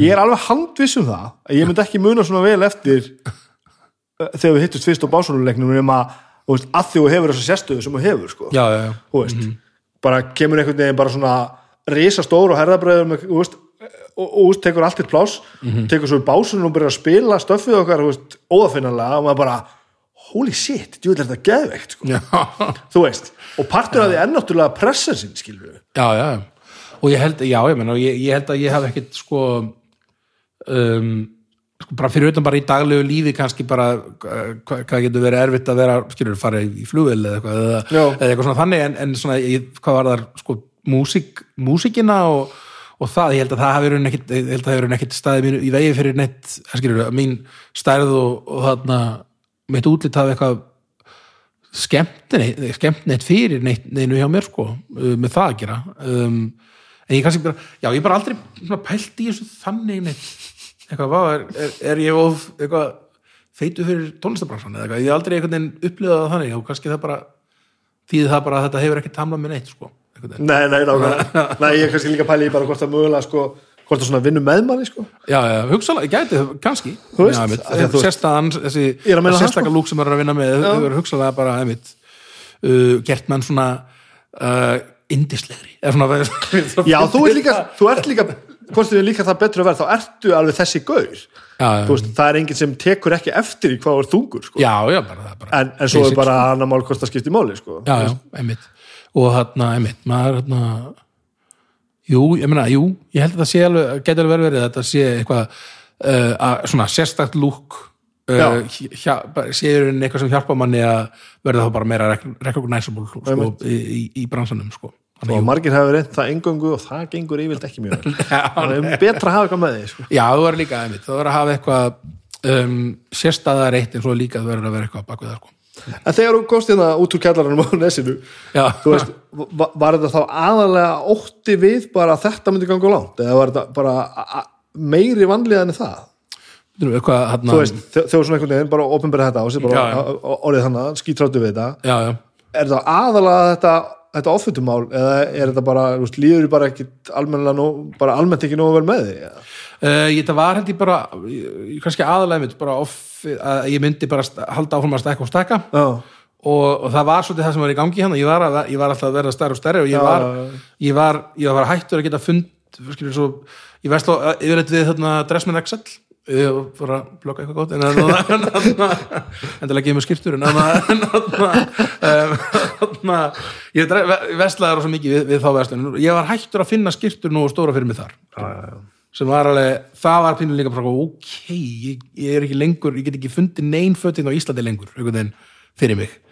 Og, og bara og svo veit maður bara, einmitt, þetta er hérna en maður hefur heyrst af, af alls konar fólki sem að er að deyja bara allt og ómt út, í það, Já. bara út af hverju hjart, bara fekk bara hjarta áfall eða eitthvað eða eitthvað svolítið, og ég er ennþá bara svo pínu hrættur um að maður geti ennþá bara, geti bara gerst á morgun eða eitthvað, en ég, ég bara veit það ekki. Mér finnst, ég er nú alveg öll, öll tjekk sem ég hef farið í, eitthvað hefur alltaf komið ágætlega út hjá mér og svona, en, en svo veit maður ekki, ég, er ég er með háa hérna, og ég er ennþá alltaf stór og, og hérna, eða svona, með, svona ég er yfir hérna, yfir þessum hérna, heilsusamlegu mörkum, sko, hann að um, ég held að það, en ég held að eins og segi, þetta, þetta, var, þetta var svo hratt á leiðinni á, í eitthvað hrikalega slæmt mm.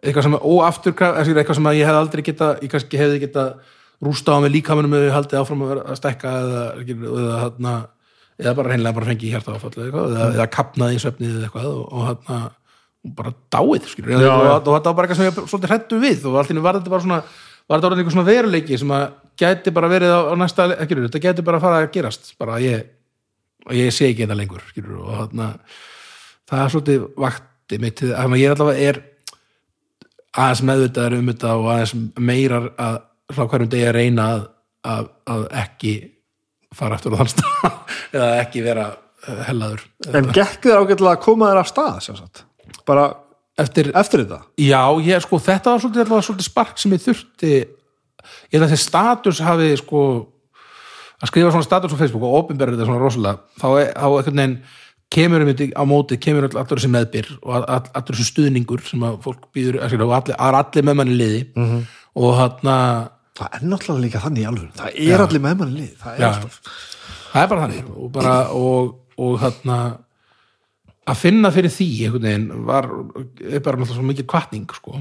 og þarna uh, já, ég er svona ég átti, eina sem ég átti erfitt með að gera með þetta var að svona einhvern veginn að ég væri of mikið að- að gera með einhvers konar svona, ég, lítið, ó, ég er svo mikið fórtalamp eða svona, eitthvað, finnast, finnast ég vera um, uh, svo eins og þetta væri eitthvað pína lítil eitthvað mig sko að- að að tala svona um opinberlega svona að vera svona mikið fórtalamp í þessu vesinni eitthvað ég er svona mikið um mikið ég, eitthvað svona þannig. En ég held að þetta hafi nú alltaf uh, ég held að sé alltaf gott að hérna uh, vera opinskár með sín vandamál sko. Uh, og hérna er þetta ekki líka bara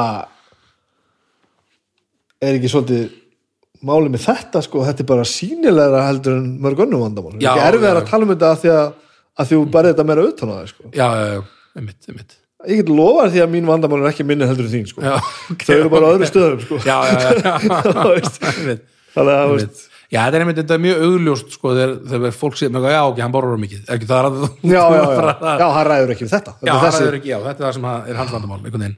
Já, allir það sé ekki með þetta. Þetta, þetta ráði ekki við eitthvað sko. já, já. En, og það er einmitt sko um, og þetta er einmitt þessi sko matarfíkn um, versus önnur fíkn er náttúrulega að þú náttúrulega getur ekkert hætt bara að borða. Getur ekki bara ákveðin, nei, ok, ég ætla ekki að gera þetta lengur, einhvern veginn, þú verður að borða eitthvað ég hef aldrei sett þetta í þetta saman þetta er frábært. En minna, þú getur hægt að skilur, drekka, já, þú þú getur hægt að þarft ekki einn bjór á dag ég þannig að þetta er svona aðeins mér að að svona, allavega öðruvísi vandamál sko, þó að þessi þarna um ég, ég þarna hvað er þetta sem að segja? Um mér finnst ég ekki eitthvað mér finnst eitthvað ekki eins og ég vera eitthvað Æ, ég á svo erfitt, það sem ég á líka erfitt með það er svona auðmingja ég, hvers þurfum við að gjalda hér við sem hópurinn þessi er Já, svona- já, já. sem að er að, skilur, af einhverju leiti sumir, sumir öðna, ég kannski komin að hála nýs með þetta en, en, en ég veist það aldrei eins og ég sé eitthvað skonar uh, uh, svona eitthvað rosalega erfitt almennt séð, eða svona eins og að sé, að, að, að, að sé eitthvað svona að samfélagi sé eitthvað sérstaklega á móti mér eða, eða eitthvað þannig, en ég er náttúrulega bara skilur hvítur meðaldra kallmaður sko, sem að er, auðvitað bara er lífið mjög gott fyrir mig, Já, já. fyrir mig almennt sko. Um, en ég allavega svona fyrir, já, þannig ég mér líður ekki vel í að vera svona að reyna um, að, að ég svona, mér finnst ekki eins og að sé neitt svona brotið á mér neitt dag- dagstaglega. Nei. en hvað þú veist hverju, hverju bre- breyttir við, við, þetta?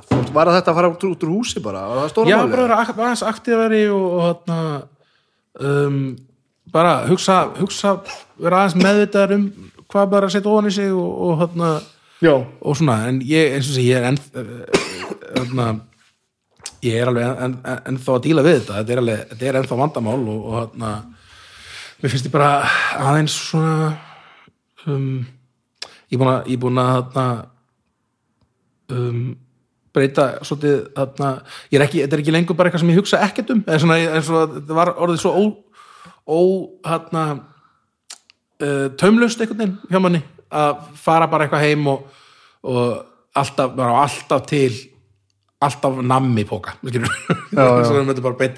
það er alltaf til nammi sem að ég borða rosa mikið af og svo kaupi ég bara meira og bara alltaf stanslust inn, stanslust inntaka af einhverju sem er brjálæslega óhald fyrir mann og, og þarna, ég er hættur því sko, þó mér finnst óhaldið hluti mjög góðir og það sé mjög margir sem eiga eru sammála því sko. En þarna um, þetta er eitthvað, ég held að svona ég mun aldrei segja það að ég sé komið með lausnin á þessum vandamál en mér finnst ég allavega að hafa aðeins betra svona betri tök á því sem að á mínu, minni hilsu Já. og er aðeins með, ég fer í tjekk og ég fer og fæ blóð, blóðþrýsingslif og, og, og, er, og er að gera alls konar hluti til þess að, að ég lifa aðeins lengur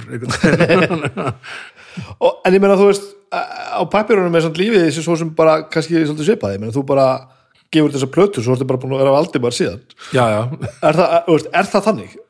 auðvitað náttúrulega, þú veist, jú, það er náttúrulega búin að eignast konu og það er að eignast barn og Mhm.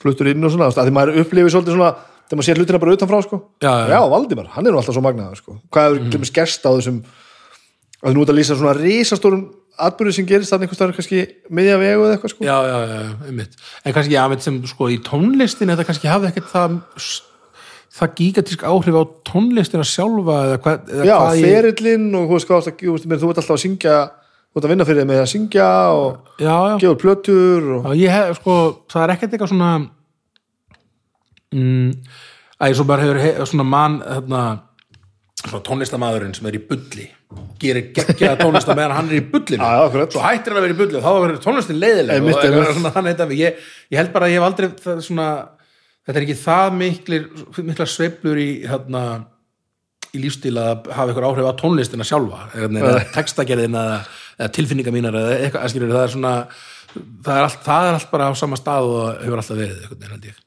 um, en, en en svo einmitt, eins og ég segi, maður vil alltaf vera leitandi og vera að prófa eitthvað nýja hluti og, og svona, en, en, svo, svo hefur maður alltaf bara röddina sem maður getur notað til að, syng, til að syngja í alls konar við hinn ímsu tilefni sko, og þarna um,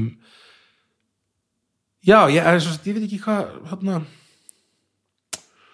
uh, ég það, þarna, mér finnst þetta bara alltaf um ég er, að, ég er að reyna að komast að niðurstöðu í því sem ég er að segja hérna. En þarna, þarna við finnst bara þarna um, ég er ekki, ég hlakka ekki til þegar ég get ekki sami músík lengur. Eða svona ef ég, ef ég finn fyrir að ég er að gera músík já, og ég hlusta á hana og hu- hugsa nei þetta er ekki gott. Ég er ennþá að þeim stað að mér finnst þetta gott sem ég er að gera og ég ímynda mér að um leið og það fyrir að vera vond að þá mun ég vita það og hugsa með mér nei, já, þá er þetta búið og hvað ætlar það að fara að gera? kannski bara halda áfram að syngja þá bara það verður Já, bara já. mitt aðal, aðal uh, kannski aðal uh, áherslan í mín, mínu hérna, að mínum ferli sé þá bara söngurinn eða eitthvað. En þú ert bara músikan through and through, þið líður bara þannig. Mér líður þannig allavega akkurat núna. Og ég vona að ég verði það bara alltaf. En þarna, svo veit maður ekkert hvað gerist í, í framtíðinu Nei, nei, nei. en þarna ég er allavega svona eins og svo auðvitað er maður með, með, með á, ymsar áherslu sem maður uh, uh, sagt, til, að, til að byrja með var ég með allt aðrar áherslu en ég er með núna. Svo til dæmis bara þegar ég byrjaði þá var eitt sem ég hefði aldrei bara það var eitthvað sem ég bara tók algjörlega fyrir og það bara nei, það mun aldrei gerast. Ég mun aldrei syngja jólalag. Ég aldrei syngja jólalag, aldrei. Það var það sem Bara jólalag? já, bara jólalag, ég hataði jólalag sko, fyrst, skil, þegar ég var að byrja. Og það fannst jólalag leiðileg og ég bara þóldi ekki jólalag sko. Ok. Og en, en í dag, meni, ég elska jólalög í dag og mér, Já, já. ég bara sé ekki eftir einu einasta jólalagi sem ég sungið og, og þarna og, og, en þetta bara, en svo, maður breytist með tímanum. Skoðanum hans eru ekki, maður getur ekki bara ákveðið að mann muni finnast eitthvað alltaf. Uh, Nei, en svo sér maður líka svo marga sem að þú veist átt að segja á því að þið breytist sko, að fara að finna fyrir það og þá langar bara, langar bara að fara að syngja jólalög en Já. gera það samt ekki til að halda annarkvæmt kúlinu Já. eða standa við það sem við sögðu einhvern tímann sko. já, já, já. þetta, er- þetta heldur sé eðlinga fyrir rosa mörgum sko. En geta það alltaf sagt bara hei, ég hef breyst, ég ætla að fara að syngja jólalög bara það- besta sem ég getur gert í lífinu sko. Já, ég veit, ég ætla að, ætla að reyna að vera hérna, mjög flúent með það er alls konar músík sem ég fílaði ekkert þegar ég var 25 ára sem ég elska núna og Bruce Springsteen hefði ekkert ekki höfða eins mikið tími nú, að, að þegar ég var 25 ára svona að gera núna. Ó, hann er svo svolur hann er geggjaður, ég elska Bruce Springsteen en ég held að 25 ára ég var bara æ, þetta er mikið að eitthvað svona. Ertu búin að lesa þessa bók? Uh, nei, ég er ekki búin að lesa Ekki nefnilega. ég, ég hlustaði á, hana, á hljóðbókina Já. á Audible hana, um, sem hann er bara að lesa Já. bókina. Og ég hlustaði, ég var komin alveg langt svo bara hvernig datt ég út sko, en, en, en ég ætla að lesa hana ekkert Ég verð ekki að það sko. Já. það er bara þannig og hana, finnst hann alveg geggjaður sko. Já, það er rosalega sko. útrúlega svalu náungi sko. hvernig gengur þið svo bara að eiga þá eftir þennan allan þennan tíma einn að eiga bara konu og svo barn á leiðin og heimili og svona Já, það er bara gaman, gaman sko. Nú er að þessi döði tími bara er eit- eitthvað í þeim tíma núna Já, það, já, er, já. það er alls konar og maður er fann að vera svona um, eins og á að vaska upp. Er eitthvað sem ég gerði aldrei og þegar og heima á mér var skilur þú, þú komst heim til mín þegar ég var út á nesinu skilur, þá var alltaf bara þannig að það var með svona, uppvar, að svona plastgaur sem þú getur sett svona allt uppvaskið.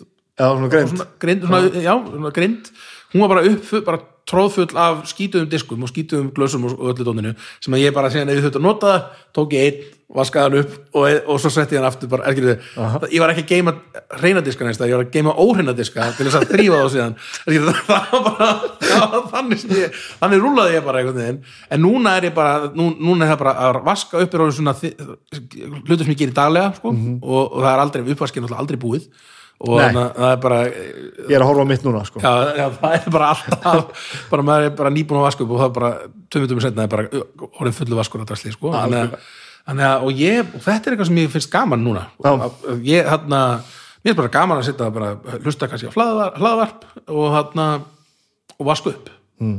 og svo kannski einmitt, reyna að fara að ryksu þarna og kannski gera svolítið fínt á hana þegar á hana amma, an, Anna kemur heim úr, úr vinnunni og svona og, og, og það er farin að veita mér svona gleði og hún sagði, æ, þú varstu mikið, mikið varstu duglegur, Ó, ég já, tengi- ég var duglegur. Ég tengi svo Já, þetta, ég er svo nákvæmlega þessi sko. já, já, finnst, þér ekki að hafa verið duglegur. Yes, það er nú gaman að heyra það. Ó, hvað gefur mér mikið að taka eftir því að ég hefði gert eitthvað. já, einmitt, þetta dæmi sko. og maður er einhvern veginn jafnvel að gera þetta meira fyrir heldur en nokkuð tímann. Já, svo algjörlega. Þannig að ég, ég var ekki svona fyrir, þegar ég bjó einn það Nei. var, mér- mann var alveg, ég fekk aldrei gesti mér var alveg skýtsama og var allt í drasli og, Já, og já, já. ég hafði mjög háan svona rusl, rusl þröskuld sko, þannig að bara það gæti verið alveg bara mitt, það, það var ekki falleg Nei, nei. koma, koma heim til mér þegar ég bjóð á nesi sko.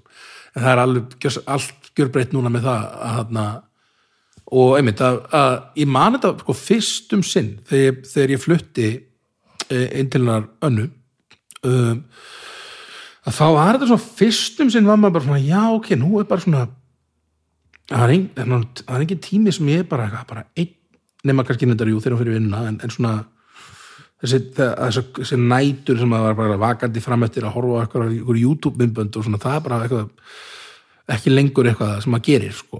Sem að, og ég saknaði þess ekki neitt það var bara svona, svona viðbriði maður Já, svona, já. já, ok, ég er núna er líf, svona, þetta er svona, núna þarf ég að að venjast þessu og til dæmis tala um áður. Að, og mjög svona virkar kannski skrítið að tala um en sko að prumpa.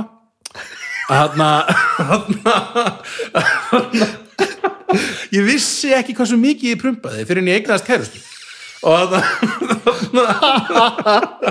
og ég það var svona þegar það er enginn á staðnum þá er náttúrulega bara að prumpa maður og pælar ekkert í en núna sko ef maður alltaf er eitthvað svona við hliðin á menni og maður er svona jæja hvað þetta getur nú farið ítli í hana. Jæja, ok, let's go. Og svo bara gerir maður það og þarna og, þarna, og þá áttar maður sig á því bara, já, ég prumpa alveg rosalega mikið. Maður áttar sig ekki á því þegar maður bjóð einn og maður bara pældi ekki, bara eitthvað sem gerðist bara. Og þarna, og ég er sem mitt fyrst fyrst þegar við að byrja, byrja að hýta sig annars, sko, þá var ég alltaf að halda inn.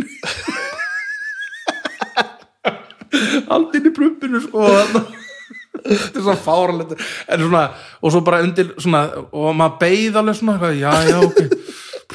Þetta, já, ég hef ekki bara komið gott, ekki bara og svo, svo þegar að þegar hún fór, skilur, þá bara lit maður að gossa, sko, en, en þetta er eitthvað sem maður hátta sig ekkert á fyrir maður eignast kærust, Nei. þetta er eitthvað sem maður hefur ekkert hefur ekkert pælt í, sko já, já, þetta er náttúrulega stærsta trikk stærsta trikki í lífinu er að taka tillit til rútínu annars fólks. Já, einmitt. Það er bara það erfiðasta sem maður gerir sko. einmitt, einmitt, þetta var smá að justin fyrir okkur bæði, en við, við erum komin í gott jafnvægi með þetta núna, sko. og, og þegar það gengur og maður drullar sér í gegnum þá vinnu og, og næra, næra að koma í jafnvægi hlutin er alltaf ekkert betra heldur en það. Já, já, er rosalega auðvelt að vera bara einn og skítell sko. það er svo næs sko. það er, það er sko. En, en hérna hvenær kemur bann Það er, við erum sett 15. júli já, já. sumar, sumar strákur á leiðinni.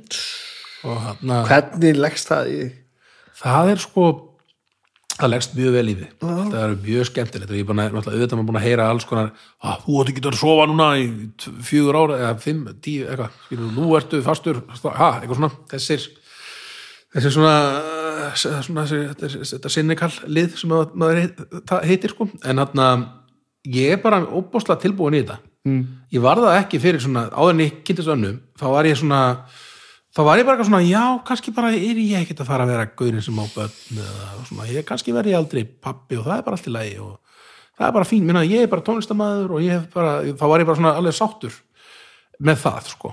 En svo auðvitað bara þegar maður kynnist réttum manneskjörnu og maður er, maður er komin í samband sem að maður vil bara rækta og, og hann þá fer þessi fjölskyldupæling að vera meira heillandi sko. og núna er ég bara til í þetta og langar bara, helstu bara eignast síðan bara annað börn eftir árið, bara eftir ár, árið setna en, eða, eitthvað.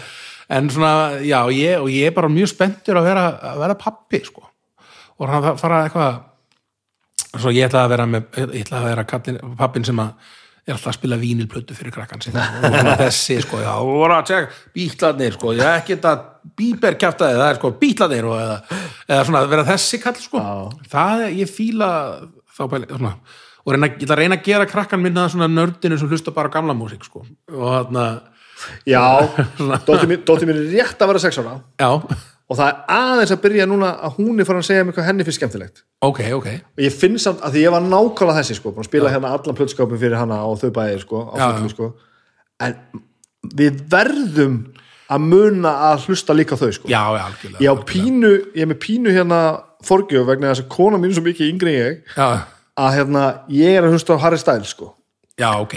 Þú veist að því að, að, því að fyrir henni er það korrent sko, ég er Já, já. gamall fyrir Harry Styles. Já. fullt af músík sko sem ég er að hlusta á hérna sem að hún setur og spila og ég er bara djöfull er þetta mikil snild skilur já, já, ég var eitthvað ekki að hlusta á Billie Eilish nema því að hún sagði þetta er besta platt í heiminum. Billie Eilish? Þessi geggja stöf þetta er ekki eðlilegt, ég voru að horfa á heimildamindan um hana bara fyrir viku síðan eða eitthvað, horfði á hana, hún er beautiful, hún er alger snild sko. Já, næs hann er að maður verður líka að passa Ég sér að og ég hlakka til þegar að sko mér var orðin aðeins eldri og fari alvörin að sína mér eitthvað sko, að því ég man eftir að hafa verið krakki og bara hennar Metallica maður? Já, og bara, já. "At, hvað er þetta?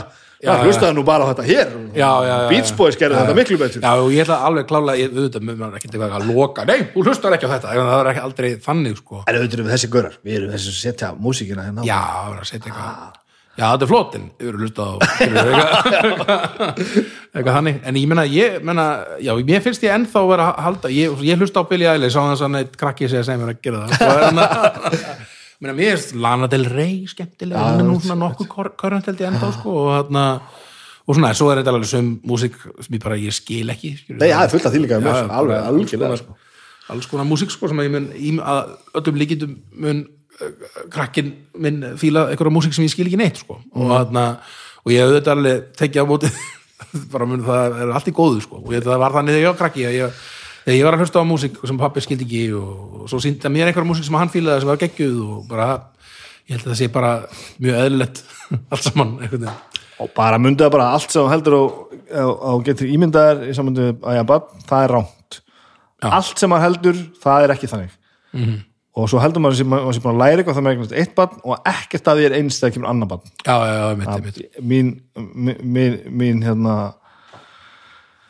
mín til að já, mín auma til að til þín er það að skulle bara loka augunum og sjá hvað gerist. Þetta, er- það það fullkomlega ómögulegt að plana nokkuð skapaðan hlut. En Já, þetta er helviti gott sko. Já, ekki, Jú, maður. Þetta er, er fárálega erfitt sko. Þetta er langar erfið sem að gera er eiga börn. Já, já, og 95% af tímanum er alveg dauðanum leðilegri sko. þetta er bara að vinna Já. bara leðileg vinna á leðilegum tímum sko. en svo eru þessi 5% sko, Já, sem eru geta- svo súper sko. bara, það er bara þannig þetta er, þetta er, þetta er, þetta er frábært sko. þetta er mjög frábært já, ég hef alltaf fullur tilökunar og þarna og ég kannski fyndi við sáum í og vorum að skoða eitthvað svona, fórum eitthvað svona sónar og þá sá maður, ég sá maður með nebban minn. Og það var eitthvað yes, Ég veit það, maður. hann er með nebbann minn, hann er með þetta frá mér eða eitthvað svona, svo var annað við sem að vera með lærleggin minn mín líka, ég er nú dekt ekki Já, þetta, þessi lærleikur, hann er sko, þetta er sko minn lærleikur en þetta, já, hann ég er svona ég laka bara svo til að sjá hann sko, og svo að hitta hann sko, og, og kynast honum og, Já. og svona, held að verður það verður ótrúlega gaman sko. já, og það velti fyrir mér, verður hann skilur, verður hann söngvari, eins og ég eða verður hann, verður hann eitthvað allt annað verður hann bara eitthvað löffræðingur eða hvað, ég veit, er það er verður hann kannski, skilur verður hann sjálfstæðismæður, skilur, það getur vel verið maður veit það ekki, skilur, þetta er bara, þetta er alls konar fólk er náttúrulega alls konar og fó, ég, meina, ég bara hlakka svo til að við þekk, svona, kynnast þessum gaur sko, sem er að koma. Þetta er mjög spennandi. Já. herðu, já, þetta var frábært. Já, ég vona það, takk fyrir að tala um mig takk fyrir að já, takk svona við þess